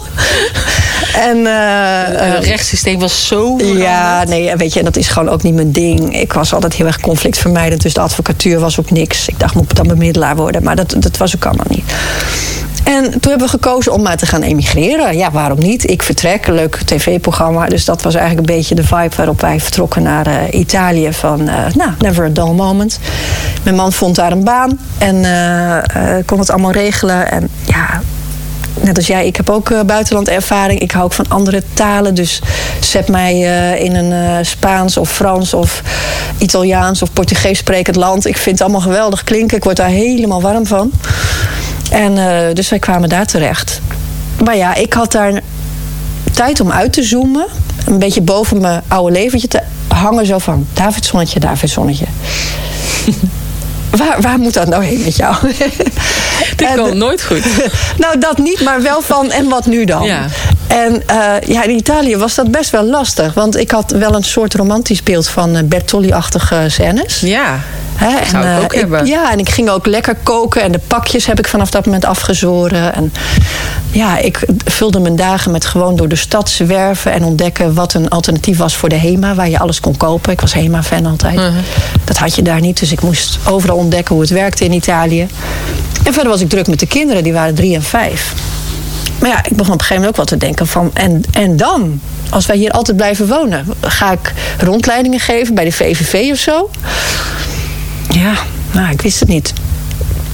Maar mijn man liep in zijn baan toch niet zo lekker. Dus ehm, hij kwam erachter... goh, ik kom toch uit Nederland. Dus een andere manier van communiceren dan een... Italiaanse dame boven je hebben als bazin... die voor jou de hele tijd bepaalt wat je wel en niet mag doen. Terwijl je zelf gewend bent aan heel veel vrijheid. Eh, dus dat eh, begon een beetje te, te schuren. En eh, we waren pas een half jaar in Italië. En die wereld zit heel erg in elkaar van ons kent ons. En wil je een nieuwe baan, ja dan heb je dat als Nederlander van zes maanden in Italië, heb je dat niet zomaar. Dus toen hebben we toch besloten om na een jaar weer terug te gaan. En in die laatste maanden ben ik me gaan verdiepen in nou, wat wil ik dan? En de vraag die mij daarmee heeft geholpen is de vraag die in mijn eerste podcast ook aan de orde komt. Wat de eerste of de tweede. Dat is de vraag die ik destijds het meest irritant vond. En dat was eh, nou ja, eigenlijk de opmerking dat mensen zeiden van... oh, wat gaaf dat, je, dat jullie gewoon dat doen. Maar hoe doe je dat dan? En dat kon ik op het laatst niet meer horen. Ik denk, ja, ik had ook geen idee. Je gaat dat gewoon, en ik dacht gewoon, hè? Ja, je gaat gewoon, Gewoon doen. dat onderzoeken. Je gaat naar de emigratiebeurs in Nieuwegein, want dat bestond. En je gaat een stappenplannetje maken. Dus hou eens op met die vraag, hoe doe je dat? Ja. Als jij dat ook wil, ga dat doen. Dus er zat, zat een soort irritatie van mij. En later dacht ik van, ja, maar blijkbaar is dat niet zo vanzelfsprekend. Dat ik dat nou toevallig makkelijk vind. Ja, ik had ook een jaar in Zuid-Amerika gewoond. En mijn moeder heeft dat, dus ik had dat in mijn genen. Dus dan is het niet heel eerlijk om te denken, dat moet jij ook gewoon doen. Als iemand dat niet in zijn systeem heeft, dan is dat een. En dat, daar begon voor mij het onderzoeken van het menselijke brein. Van, oh, dus op basis van mijn achtergrond, mijn moeder met haar historie van au pair in, eh, in eh, Amerika en in Parijs. Daarom is dat voor mij bijna comfortzone om gewoon, ik vertrek te zeggen. Ja. En toen ben ik de mind gaan, eh, gaan bestuderen toen ik terugkwam uit Italië door een NLP-training te doen. En NLP is voor een groot deel hypnose. Want het is ehm, eigenlijk bedacht door twee Amerikanen die een aantal succesvolle therapeuten gingen bestuderen, waaronder de therapeut Milton Erickson, en dat was een hypnotiseur. En ze kwamen erachter. Wauw, eh, alleen al door hoe die man praat en de woorden die hij kiest, heeft hij impact op eh, hoe mensen zich voelen. Nou, en ja, toen ben ik daar, na die NLP-training, wilde ik daar meer en meer en meer van weten. Want ik denk, als je gewoon met woorden en taal is mijn ding. En op school werd gezegd. Ja, sorry, maar als je taal gaat studeren, weet je? Ja. is ook zo beperkend. Net als yoga-business. Daar kan je echt niks mee verdienen. Nee, met yoga kan je echt niks verdienen. En toen dacht ik van ja, ik heb gewoon laten zien dat het wel kon. Ja, en ik verdien nu dus met taal eigenlijk Ja. mijn, eh, mijn, mijn brood. Eh, online en offline. Of het nou gesprekend is, zo, of met mijn boek, of met mijn cursussen. Het is allemaal taal en beïnvloeding. En eh, beïnvloeding vinden mensen eigenlijk heel eng altijd klinken. Maar Ja. het is vrijmaking. Ja. Ik maak mensen vrij.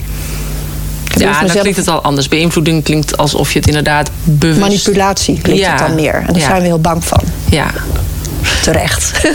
terecht. nou ja, als je natuurlijk normaal gesproken iemand hypnotiseert... dat stond natuurlijk ook in die brief laatst... dan vraag je daar toestemming voor. Mhm. Kijk, en, en, en er gebeurt natuurlijk ook hypnose... zonder dat we daar toestemming voor geven. Ja, en daarom vind ik het heel belangrijk, en dat is mijn aandeel, om mensen te leren wat hypnose is. En dat je het eh, goedschiks en kwaadschiks, net Ja. als alles, kunt gebruiken. En als je dat doorziet, heb jij de keuze waar je in mee wil gaan, in Mhm. plaats van dat het je overkomt. Ja, maar ik denk, kijk, van hypnose hebben mensen toch nog heel vaak een soort van beeld van die Rassa Rostelli. Ja. Van, oh ja, dan moet je een citroen gaan eh, eten. Ja. Of je ziet mensen naakt in de zaal zitten en zo. Ja. En ehm, Dat is het ook, maar dat is voor een doel om mensen te laten lachen en een leuke avond te hebben. ja, En wat we niet moeten vergeten, en dat weten mensen die er geen kennis van hebben niet, is dat Rasti Rostelli, die gaat dat niet doen voor 10 mensen. Die zorgt dat hij minstens 200 mensen heeft in de zaal, omdat er altijd een percentage is wat ontvankelijk is en het leuk vindt om mee te doen. Want ik weet veel van hypnose, maar ik ben niet iemand die op dat podium. Dat vind ik gewoon niet leuk. Dus je gaat mij echt niet een citroen Nee. laten. Ik steek mijn vinger niet op. Dus dan kan Rasti Rostelli op zijn kop gaan staan. Maar Davidson, die doet gewoon. Die kijkt het. Doei. Dus het is niet zo dat als jij dat niet, echt niet wil, dat het dan altijd toch lukt. En dat is ook goed om te weten. Dus in die zin is het wel veilig. Ja. Maar ja, als je dat niet weet, kan je dus wel meegenomen worden. Maar en wat is zeg maar bijvoorbeeld als je... Hè, je had het net al over eh, regressie. Ehm, wat is jouw ervaring? Want je hebt heel veel regressies gedaan. eh, waar de mensen het meest uithalen of zo. Wat is het meest grootste issue wat er speelt? Wat bijvoorbeeld mee is genomen vanuit inderdaad wat je net al zei. Vanuit je eh, voorouders. Of het Mhm. Ja. grootste thema eigenlijk? Nou, het grootste thema. Eh, het, hoe langer ik het doe, hoe meer sessies ik heb gedaan, hoe, hoe meer ik erachter kwam. Eigenlijk net als het perfectionisme verhaal waar ik me op ben gaan richten, waarvan ik erachter kwam. Perfectionisme is een woord wat veel mensen associëren met eh, dingen allemaal perfect willen doen. Maar in de kern, als je verder en ver- dieper en dieper gaat, komt het bij gebrek aan liefde en waardering voor jezelf. Dat is het. En als je gebrek aan liefde en waardering voor jezelf hebt, denk je dat je je moet bewijzen, wil je alles perfect doen in, eh, hoe meer regressies ik deed, hoe meer ik erachter kwam. Elke keer. Het zijn triljoen verschillende verhalen en situaties. Maar het kwam eigenlijk bijna altijd neer op dat iemand in zijn kindertijd zich niet serieus genomen voelde. Of niet gezien of niet gehoord. En dus op dat moment als kind heeft besloten: zie je wel, ik heb het fout gedaan. Ik mag er niet zijn. Of eh, ik doe het niet goed. En de woorden zijn anders, de situatie is anders. De ene die had het gevoel dat hij overruled werd aan tafel met zijn broers en zussen, dat papa en mama haar nooit zagen. De ander die had het gevoel van: oh, ik heb in mijn spreekbeurt iets verkeerd gezegd. En eh, eh, dat was heel dom, dus, dus ik ben dom. Dus het heeft altijd te maken met: ik ben niet oké. En in welke vorm en in welk leven dat dan gebeurd is, maakt eigenlijk niet uit. En tegenwoordig me- merk ik dat ik eigenlijk steeds minder de behoefte heb om regressies te doen. Omdat het ook maar een tool is en het werkt perfect. Maar ik kom er nu achter. Ja, het, het- je hoeft helemaal niet terug naar het verleden. Een andere oplossing is. Wat voel je nu? Ja, ik voel ergens een bepaald gevoel. Ja. Nou, ga dat maar even voelen, helemaal. En helemaal, dat, als je daar echt verbinding mee maakt, dan kan je echt in 90 seconden iets helemaal voelen, zonder oordeel. Zonder, oh nee, want straks gaat de beerput open en oh, dan heb ik mezelf niet meer onder controle, want dat doen we vaak. Nee, voelen, krek. voelen, voelen, voelen. Want daarmee zie jij dat stukje energie eigenlijk eindelijk voor vol aan. Ik zeg mensen wel eens, eigenlijk zijn al die stukjes energie, al die blokkades van jou, zijn eigenlijk je kindjes. Zie het, voel het, erken het dat het er is. Dan voelt het zich gezien, gevoeld, erkend. Oh, ik mag er zijn, ik heb bestaansrecht. En dan laat het jou los. Mensen willen altijd weten, hoe moet ik iets loslaten? Nee, laat het er zijn, dan laat het jou los. Want dan gaat het plop. Net als in het riool, het schiet los en het strandt weer. Ja. Dus je mag gerust komen en bellen voor een regressie. Maar als ik er geen zin in heb die dag, Dan doe je het dan niet. zeg ik gewoon, voel ik kreeg. Nou, gezellig. Klinkt heel uitnodigend, moet ik zeggen. Nee, weet je, als, ik pas me aan op wat de klant wil. Maar ik vertel dit eigenlijk om je, om je te laten inzien van heel veel dingen die we denken nodig te hebben. Is helemaal niet zo. En, en, en daarom ben ik er ook achter dat mensen hoeven helemaal niet per se nog één op één bij mij in de stoel te zitten. Ik vind het heel leuk om te doen. Je bent van harte welkom als ik er zin in heb. Ik doe het niet zoveel meer. Maar ik eh, doe tegenwoordig in mijn online trainingen gewoon via de Zoom. Dan zeg ik, heeft iemand een vraag? Wil je ergens doorheen werken? Doen we het in vijf minuten. Waar ik vroeger 2,5 uur over deed.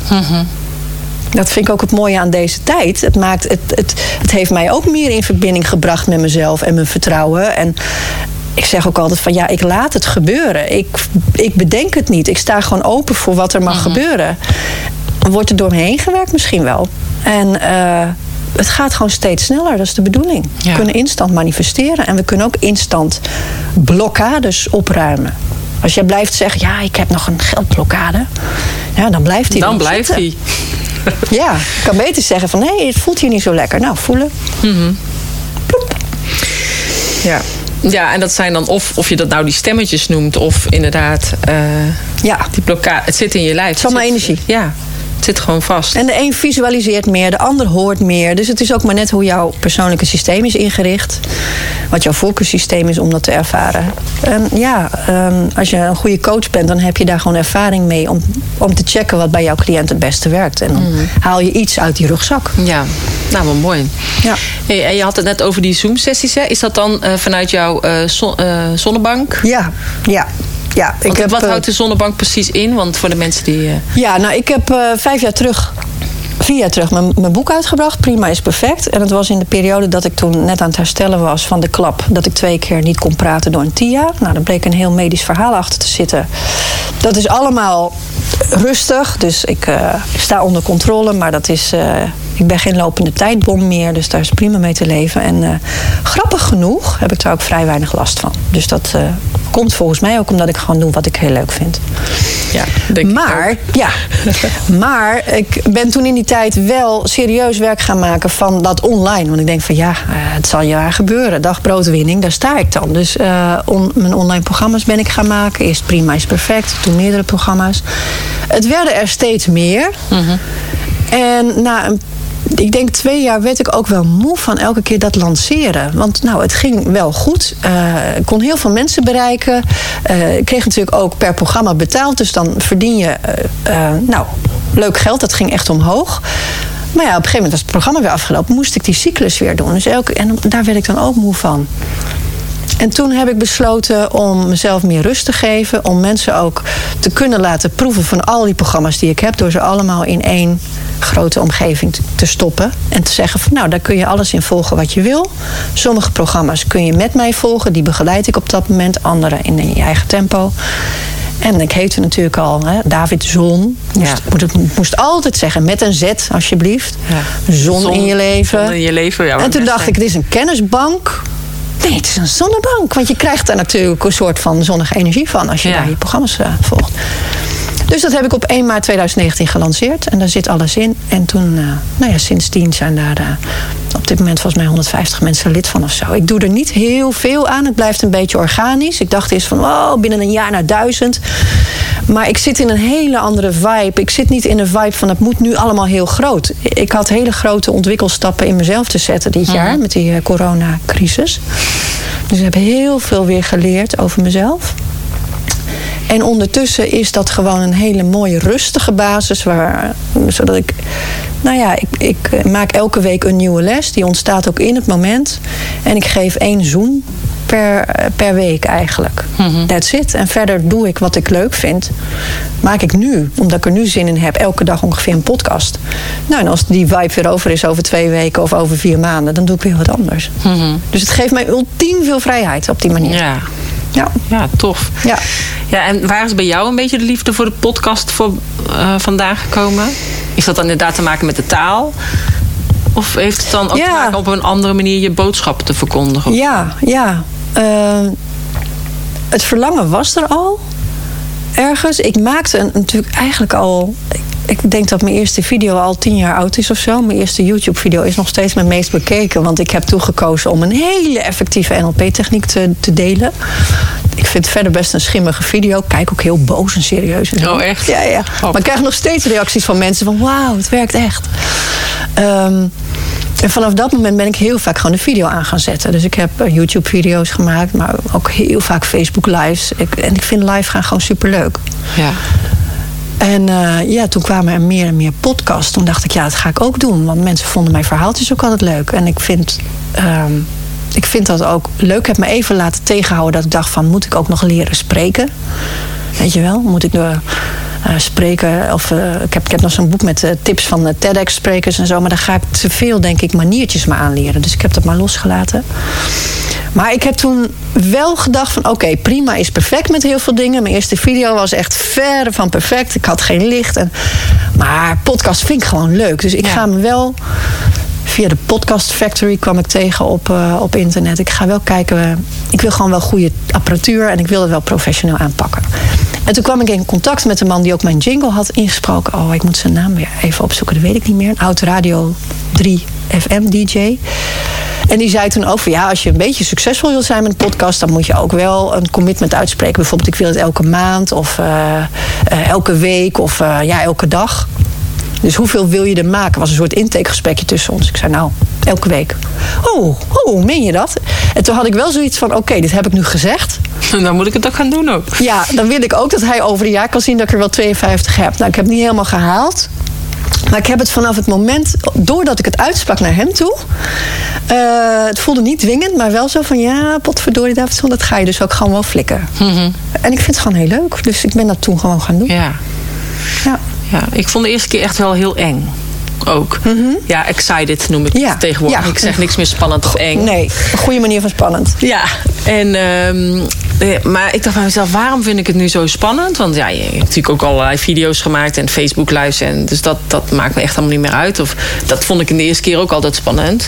Hè, mijn eerste webinar en zo. Tuurlijk, ja. Oh man. Ja. En eh, mijn eerste webinar had ik ook meteen meer dan 100 of zo. Dat, Oh, dat is ook leuk om te oefenen. Meteen. ja. maar ja, toen had ik nog een assistente die hielp omdat het mijn eerste was, dus die zat een beetje achter de schermen en die ging allemaal in de chat en zo eh, dingen doorsturen. ja. Maar ik dacht van, wat maakt het nou dat dit nu zo, eh, zo, zo spannend voelt dan? Maar dat was meer dat ik denk, ze zien of ze horen nu alleen maar mijn stem. ja. Dat was het. En mijn allereerste podcast is op zich een heel persoonlijk verhaal ook. Van waarom wil ik graag een podcast? Want ik wilde het eigenlijk al heel lang. Ik was er echt al een half jaar, drie kwart jaar mee bezig. En elke keer was ik het toch van me uit aan het schuiven. Tot ik op een gegeven moment dacht van ja, nu is het gewoon klaar. Ja, ik ga het gewoon doen. Ja, ga het gewoon doen. En, eh, en daarin vertel ik dus ja, mijn liefde voor de radio van vroeger. En eh, ik heb, eh, zeg maar, deed altijd vroeger radio maken samen met mijn nichtje. wat Tenminste, ja. radio maken. We deden dat opnemen op cassettebandjes. Klik. Ja. Ja, en dan waren wij dan een radiostation. En dan deden we de liedjes zelf zingen. En dat waren dan de liedjes die we gingen draaien. Nou, dat. Dus dat was altijd wel grappig. En toen ik eh, 16 was, toen zat ik bij De Dag Die Je Niet Vergeten Mag van Frits Spits. En, eh, en ik luisterde elke vrijdag naar Curry en Van Inkel. Oh ja, ik ook. En daar was ik echt zo fan van. Ik vond het Ja. zo erg dat Adam Curry toen naar Amerika ging. Ja. En eh, dus ik deed altijd eh, opnemen, de uitzending. En dan ging ik fietsen, want ik werkte voor de Media Express. Dus deed ik de Donald Duke en de libellen bezorgen. Maar dan Ja. moest ik wel weer op tijd terugfietsen om het bandje weer om te draaien. En dan nam ik het andere bandje weer mee. En dan deed ik dat in mijn Walkman en dan ging ik dat luisteren, zeg maar. Dus ik was echt super fan van Dus, ehm, dus ja, in die podcast... eh, ja, heb ik stukjes gedaan van cassettebandjes van mij. Echt Oh, wat als leuk. klein meisje, zeg Ja, maar. ja. Maar ik heb ook eh, mijn hele uitzending met Frits Spits erin zitten. Ja, dan hoor je echt mij nog heel Brabants eh, praten. Dus dat is wel heel erg leuk. Ja. En, eh, en ik heb wat stukjes van de allerlaatste uitzending van Curry en Van Inkel. Oh ja, Die heb oh, ik ik helemaal opgenomen. Die heb ik Oh. helemaal opgenomen. Voor met tranen. Ja. En die bandjes heb ik ook echt bewaard. Heb ik ook echt nog plakband opgeplakt. Dat ik ook niet per ongeluk iets nog daarover op kon nemen. Ja. Dan moest je natuurlijk plakband op die gaatjes eh, doen aan de onderkant. En, ehm, nou, en het leuke is dus, we hebben het nu over de intro. Ik had eerst als intro gehoord een beetje van die, van die belletjes. En eh, nu had ik ook iemand van de, van de radio die dan zijn eigen studio heeft. En die ging dus mijn intro maken. Dus eh, van dit jaar. ehm, had ik voor het eerst een intro. En toen zei hij, wil je dan dat ik iets doe met een vrouwenstem of een mannenstem? Ik zei, Ja. nou, ik vind het eigenlijk wat leukst om een vrouwenstem te doen. Ik zei, ja, of het moet zijn dat jij Jeroen van Inkel kan regelen. Dan wil ik Jeroen van Inkel. En toen zei hij, nou, die ken ik. Ik kan het wel even vragen. Wat cool. Ja, dus ehm, nou ja, toen kwam, eh, heeft Jeroen van Inkel hem ingesproken. Geweldig. Ja, en Jantien heeft de tekst geschreven. Jantien van Driel. Ja, leuk. Dus eh, nou ja, sinds eh, begin dit jaar, 2020, heb ik eh, Jeroen die mij dus aankondigt. En dan denk ik echt van, wow, als ik dat toch had geweten als 16-jarige Corine. Helemaal gek. Ja, dat Jeroen van Inkel mij zo aankondigt. Nou, dan moet je toch helemaal, kun je dat gewoon niet geloven. Nee. En nu in, in 2021 komt er een, nog steeds de stem van Jeroen, maar met de andere muziek Oh ja. erbij. Ja, ja. Dus, Grappig. eh, ja, dus dan doen we dat even veranderen. Ja. Dus, maar ja, wel heel erg leuk. Dus op zich, denk ik, heeft dat altijd wel ingezeten. Ja. Ehm, bij mij. Het heeft het een beetje als een rode draad eh, in mijn leven ook geweest. Dus ik dacht ook van ja, ik wil gewoon graag podcasten. Ja. Maar ja, en dan van wat gaat iedereen ervan vinden? Dat vond ik nog het meest eh, ja, het spannende daarvan. Ja. Maar dus net als dat ik mijn eerste challenge had of mijn eerste webinar of dat soort dingen. En uiteindelijk kreeg ik allemaal foto's van mensen eh, dat ze dan mij aan het luisteren waren in de auto. Dus dan kreeg ik zo'n foto van zo'n dashboard. En Ja, dus, dus zie je dingetje daarin. Hoe is dat, hè? En dan dacht ik, oh, die is nu naar mij aan het luisteren. Ja. Maar ik kreeg echt heel veel positieve reacties. Zo van, goh, ik heb het idee dat ik je nu nog beter ken. Hm. Ja.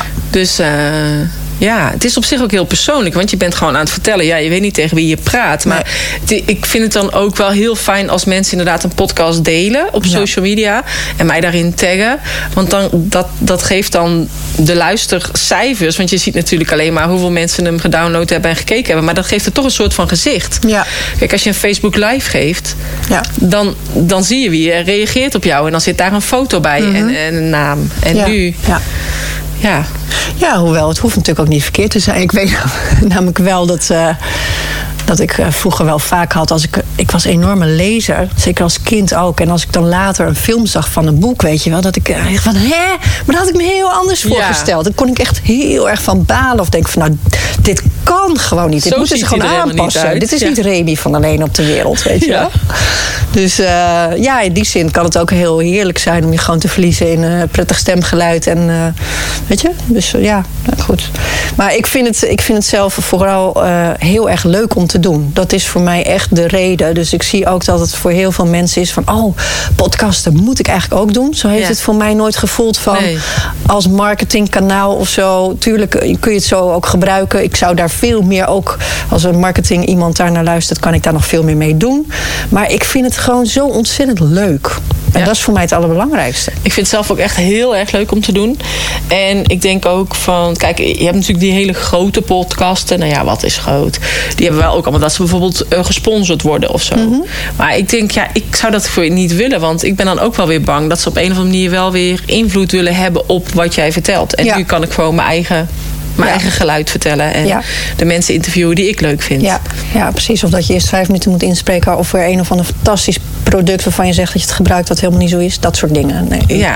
Daar blijf ik ook liever ver van. Ja, dus nu heb je het allemaal zelf eigenlijk Ja. onder controle. ja, precies. Vrijheid, blijheid. Ja, Hey, en eh, als jij een yogamat zou zijn, hoe zou jij er dan uitzien? Oeh, ik krijg een hele verschrikte blik nu. Oh ja, dat is een vraag die ik niet dagelijks krijg. Nee, dat snap ik. En die jij misschien wel vaker stelt aan mensen, kan ik Ja, me ik stel voorstellen. hem eigenlijk altijd. Dat vind ik altijd wel leuk. Weet je hoe je eruit ziet? Eh, jij hebt hier wel een mat, zei jij net. Ja. Hier op jouw kantoor. Ja. Prachtig kantoor trouwens, met een heel mooi uitzicht. Mooi hè? Ja, ik ben ook benieuwd. Je zit er natuurlijk nog maar sinds 1 december. Maar hoe dit er van de zomer uitziet. Ja. Met al die bomen dan. Maar ik heb ook gefantaseerd over blad. sneeuw. Hoe zou het zijn als alles wit is? ja, dat lijkt of me ook wel als hier gewoon dat kanaal eh, vol met ijs ligt. Ja. Zo onder die bruggetjes door. Ja. Ja, het is wel echt heel mooi.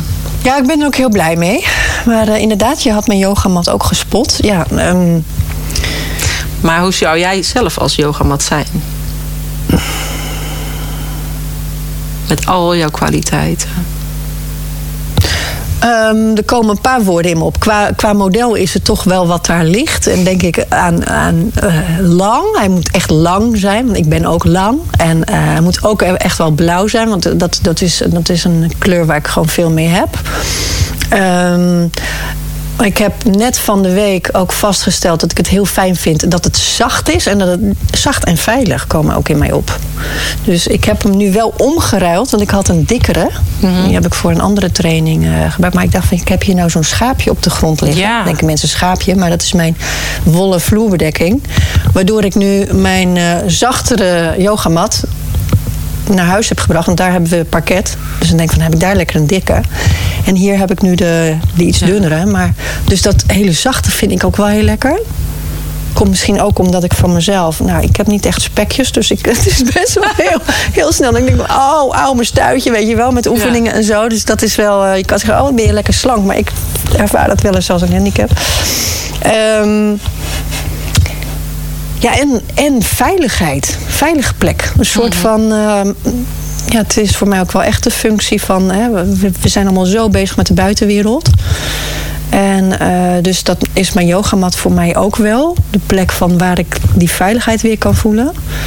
En dat is eigenlijk ook hoe ik me in mezelf wil voelen. Dat is ook wat ik graag voor andere mensen wil zijn. Als ze het zelf even niet meer weten. Dus dat het ook zacht voelt. Ik kreeg, kreeg- ja, kreeg steeds meer reacties van mensen die ook kijken naar foto's van mij. Nu heb ik weer een nieuwe profielfoto. Dat mijn uitstraling verandert. Ik denk van, ik ben altijd best wel heel mannelijk geweest. In de zin qua energie een doener, een aanpakker uit de horecagezin, doorgaan. Ik heb niet voor niks een boek geschreven eh, over het overwinnen van je perfectionisme. En ook steeds meer in die vrouwelijke kant zak. Dus dat zachte, dat vond ik altijd heel moeilijk. Ik vond knuffelen en zo vond ik ook altijd heel van doe niet zo klef. En eh, lieve, dat nee, beste. Weet je, heel afstandelijk. Eh, dus juist nou, Meer. zachtheid, veiligheid. Ja. Dat. En hoe doe jij dat dan, zeg maar, om meer in die vrouwelijke energie te stappen? Ehm, nou, wat ik de, dat is wel grappig, want de afgelopen, eh, ik denk anderhalve maand geleden, ben ik eh, bezig geweest met een eh, korte training, een marathon werd dat genoemd, van een maand. Eh, waarin we heel veel opdrachten kregen om meer te verbinden, meer te verbinden met het universum, te tekenen, te schilderen. Dus echt allemaal dat soort dingen waar ik eigenlijk nooit tijd voor neem. Maar ook in de tweede week, ja, verrassing. Vanaf morgen gaan we elke dag om vijf uur opstaan. En dan, ik denk, holy fuck, vijf uur. Ik heb het wel eens eerder gedaan, maar meer omdat het ook moest. Toen deed ik de Miracle Morning, van, volgens Oh, dat ja. boek, weet je wel. En dat Ja. hou ik dan een paar weken vol. Maar ook wat die mevrouw voordeed, want het ging ook heel erg over je lichaam en lief zijn voor je lichaam. En eh, ik heb ook alles een training gedaan een paar jaar geleden waarin we meer leerden dansen en ook dansen voor de spiegel. Dus echt dat soort dingen waarvan je denkt van nee, echt te eng, te confronterend. Juist wel doen. En zij leerde mij, ik heb al jaren heb ik zo'n eh, borstel, zo'n lichaams, eh, zo'n scrubborstel voor de Oh, dode ja, huidcelletjes. Nou ja, die gebruik ik regelmatig. Klaar, douchen, klaar. Zij heeft een video gemaakt van 35 minuten. Waarin zij voordoet wat je met die borstel allemaal kunt borstelen en op welke manier. Dus dat heb ik echt een maand lang. Eh, ik heb de laatste tijd een beetje gesmokkeld. maar dat voelt zo goed om dan 's ochtends om vijf uur. En ik kies dan wel of ik eerst ga mediteren of even wandelen. Of eh, een glas water drinken. Of gewoon even zitten of een oefening doen. Of borstelen. Maar heel vaak koos ik voor borstelen. Gewoon helemaal lekker, weet je wel.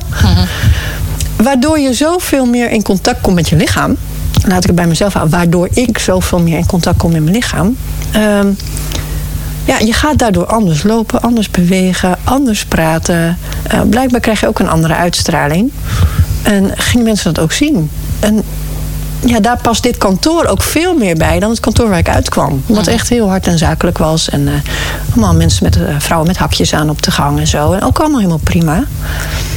Maar ehm, ja, je kunt er heel vrouwelijk uitzien, maar toch een mannelijke energie hebben, zeg maar. En mijn uitdaging is wel om dat meer in balans te krijgen. Nou ja, daar ben ik mee bezig. En daar helpt eh, mijn blauwe lange yogamat ook bij. Ja, je had het over marathon. En marathon vind ik dan meteen weer heel mannelijk klinken. Zo Ja. bam, bam, bam. Ja, nou ja, het was ergens was het ook best wel. eh dacht van jeetje, Mina, Ja. wat veel opdrachten. Maar zij hield ons daardoor wel heel erg in het commitment om in een maand enorme sprongen te zetten daarin.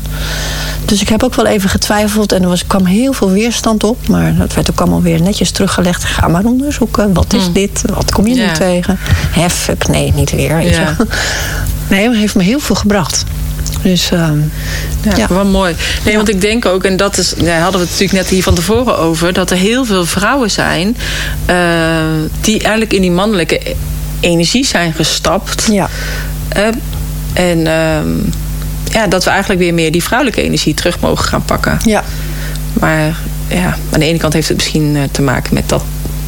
mm, dat alle onze, inderdaad ook voorouders misschien eh, op de barricades gingen van ja, eh, vrouwen tellen ook mee en mogen ook werken, bla bla bla. Maar Ja, of, of ook nog daarvoor, want dat zit er ook nog in. Van je hebt gewoon een heel groot gezin. En ja, waar ik het bijvoorbeeld aan merkte, mijn moeder, die had toch een heel druk gezin. En die was meewerkende echtgenote in het restaurant van mijn vader ook. Maar echt niet dat er iemand in huis kwam om te helpen schoonmaken. Dat was gewoon not done. nee. Nou, ik heb dat wel. Ik heb het een tijdje niet gehad toen ik het even te duur vond. En dacht van nou, andere prioriteiten. En toen konden we het op een gegeven moment ons weer permitteren. En ik vind dat zo'n luxe, zo'n andere mindset. Ik zie dat dus niet als een falen dat ik iemand inhuur om daarin te ondersteunen. Mhm. Maar die generaties eh, voor ons, zeker als de vrouwen ook werkten, die hadden. Het was echt normaal om dat allemaal maar te moeten doen. Ja. Dus daar zit ook heel veel doorzetten, doorpakken energie nog in. Mhm. En eh, ja, ik moest ook een soort schaamte voorbij blijkbaar. Want mijn moeder vond daar wel wat van. Hey, Laat je dan niemand in huis? hè? Ja. Weet je? Ja. En eh, ja, jezelf de toestemming geven om daarin ook te verzachten en, en, en hulp te vragen. Nou, dat is ook zoiets, hè? En, Ja. Een echte meid is op de toekomst voorbereid. Dat is natuurlijk ook allemaal heel mannelijke energie geweest in onze tijd. Kies exact. Nou, Ja. Fuck exact, kies taal. ja. Als dat bij je past, Ik weet was je. wel goed hoor in wiskunde. Ja, nee, ik niet. dus- Maar ik heb het wel moeten doen, omdat men toen zei van... ja, nee, maar anders kan je het echt shaken. Dus ik had de 3,5 op mijn eindlijst. Voor wat? Ja, nee, dat schiet dan niet op. Ja. Ja, ik denk wel, ik zie wel nu steeds meer, maar dat is misschien ook natuurlijk omdat ik in de yogabubbel zit, wel steeds, steeds meer ook dat vrouwen richting die vrouwelijke energie gaan. Ja. En meer zakken ook in die vrouwelijke energie Ja. en dat ook toelaten. Ja. Ja. En daar rust nog wel een soort van taboe op ook. Ja. Terwijl ik denk, ja, alles kan op tv tegenwoordig. Ja, het is taboe, maar weet je, het is ook, heb ik ook, eh, ik weet er niet heel veel van. Ik ontdek daar ook steeds meer dat eh, eh, de vrouwelijke kracht is zo krachtig. En dat weet de andere kant ook, dat weet de mannelijke energie ook. En het is gewoon heel lang de tijd van de mannelijke energie geweest. Dus die heeft er ook alles aan gedaan om dat te voorkomen. Ik heb in mijn touwtraining, ik heb een jaartraining gedaan vorig jaar, zulke interessante dingetjes gehoord als weet je waarom vrouwen hakken dragen. Weet je dat je dan totaal niet gegrond staat. Dus dan ben je makkelijker om te duwen. Dat soort dingen. Nou ja, het kan waar zijn of niet zijn, maar ik vond het een interessante gedachte. Ja, dat heel veel dingen. En dan denk je wel van, oh ja, dan ben ik vrouwelijk. Maar je staat inderdaad niet met beide benen stevig aard. Ja. Vond ik interessant. Ja. Ik denk, nou, ik heb ook geen hakken nodig met 1,81. Maar ja, Oh, ik 1,82. nou, dat gebeurt me niet vaak, moet ik zeggen, dat ik overtroefd word. Dus ehm, ja, dat is gewoon wel mooi om te beseffen. Dat je zorgt als je vrouw met hakken bent, dat je wel ook zorgt dat je ergens die aarding vandaan haalt. Ja, precies. Ja, dat je wel bij je power kunt komen, want daar ligt heel veel moois in. Ja, en dat is natuurlijk die creatiekracht. Ja, die zit uiteindelijk natuurlijk in de tweede chakra. En er zit de baarmoeder, waar natuurlijk ook allerlei creatie ontstaat. Ja, ja. En eh, ja. En dat- ja, er zijn gewoon heel veel. Ja, bij ons in onze online bubbel dan natuurlijk heel veel vrouwen, vrouwelijke online ondernemers. En eh, ja, ze er niet voor niks. Hè. De Dalai Lama zei dat toch? Dat de wereld gered gaat worden door de westerse vrouw. Ja, Ik ga het steeds meer geloven. ik ook. Ja, eigenlijk zie ik het al gebeuren. Ja. En ik, ik krijg nu weer kippenvel, dankjewel. Dus er Ja. zit zeker minstens een kern van waarheid in. Dat, eh, Mooi. Nou, volgens mij zouden wij nog uren kunnen kletsen. Dat denk ik ook, maar het is mooi om af te ronden. Ja. Ik bedoel, ik heb mijn uh, matte-vraag gesteld. ja, dat, is, dat dacht ik al. Dat is wel een soort van... eh, eh, Dat is meestal mijn laatste eindvraag. Ja. Maar en eh, is er nog iets anders dat je denkt, oh, dat zou ik nog even willen vertellen? Nee, ik zou, het, eh, ik zou het echt niet weten. Ik denk, nou, wat ik, ja, wat ik wel heel mooi vind om nog even te delen, want daar geloof ik heel erg in. Ik ben een jaar geleden op de, eh, op de boekjes gestuurd. Jij kent ze misschien ook wel van Christina von Drijen. Oh ja. En ehm, dat uh, Zwitserse meisje met een verruimd bewustzijn. En een van haar boeken, uh, volgens mij is dat de derde. Nee, ja. Bewustzijn schept vrede. En dat vind ik eigenlijk wel iets dat, dat probeer, probeer ik zoveel mogelijk ook uh, door te laten klinken. Dat het belang van je bewust worden van dingen. Dus niet blijven staan, maar dingen in een ruimer perspectief gaan zien. He, hetzelfde van. Ja, stel, je zit in een ballon, in zo'n mandje, maar hij staat nog op de grond. Nou, wat zie je dan om je heen? Mm-hmm. Nou, je ziet van alles om je heen, 360 graden. Maar als je gaat stijgen, ja, dan zie je meer. Dan zie je meer. Dus dan zie je ook veel meer kansen, mogelijkheden, oplossingen, meer mensen, nieuwe situaties van alles. Dat is het eigenlijk. Want dat stijgen is ook je trilling verhogen. Dus blijf je aan de grond staan. Nou, ons kent ons. Hè, dit is mijn dorp. Nou, het is prima. Het is mijn leventje.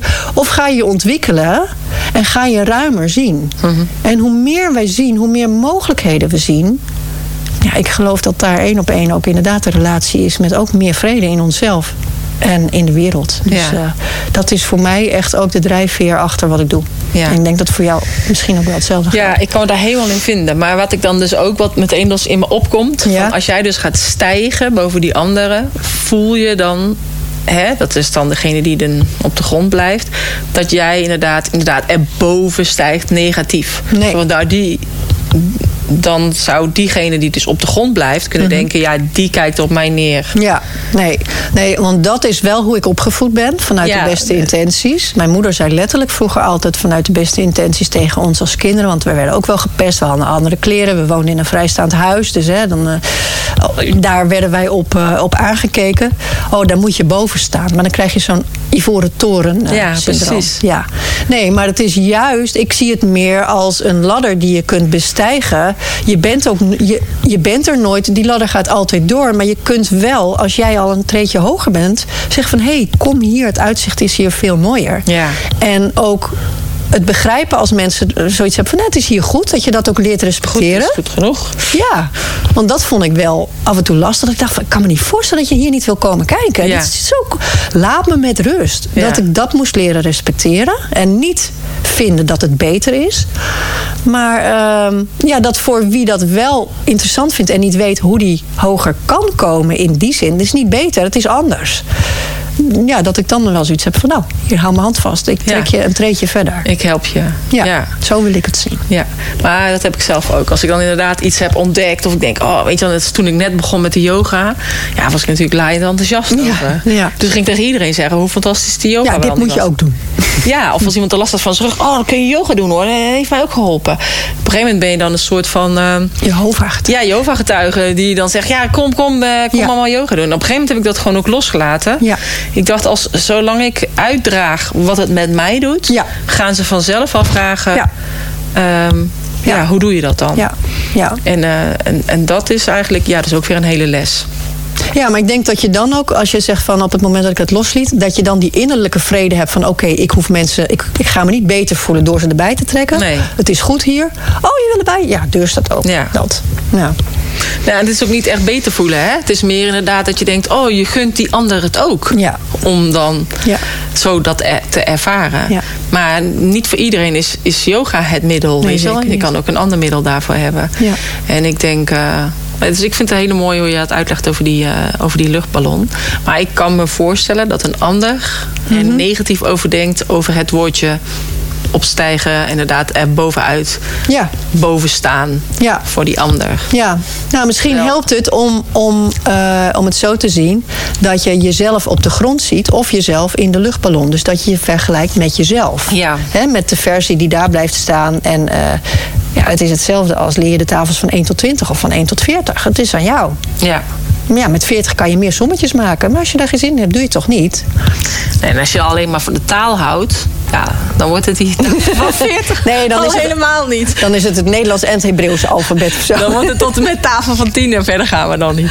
Nee, Nee, is goed. Nou, in ieder geval hartstikke bedankt dat ik hier eh, mocht komen bij Ja. op kantoor. En Heel ik vind het gezellig. heel leuk dat je in mijn podcast bent. Ja, nou, insgelijks. Dus eh, helemaal goed. En eh, wie weet, tot een volgende keer. Ja, Oké. Oké, dank je. Ja, dat was het gesprek. Wat vond je ervan? Nou, ik vond het echt helemaal fantastisch. Ik hoop jij ook. Ik hoop dat je ook echt benieuwd bent geworden naar Astrid. Want ik vind haar echt een prachtige vrouw. En ook heel fijn om te volgen. Ze legt ook alles heel duidelijk uit. Ehm, dus mocht het zijn dat je meer wil weten over Astrid... check dan even de show notes pagina www.deyogabusinesscoach.nl slash 127. Ehm, dat vind je dus alles eigenlijk over de winactie, over haar boek, over haar website, over haar social media kanalen. Mocht het nou zijn dat je denkt, ik wil heel graag op de hoogte blijven van de nieuwste podcast als ze uitkomen, vind je ook op deze show notes pagina een link, zodat je je kunt aanmelden en ik je op de hoogte hou van eh, de nieuwe podcast. Nou, ik zou het heel fijn vinden als je het even een hartje zou geven, een duimpje omhoog of een, eh, een sterretje of ehm, een review. Ligt net aan waar je deze podcast beluistert, op welk kanaal. En ik wil je hartstikke bedanken voor het en graag tot een volgende keer. Namaste.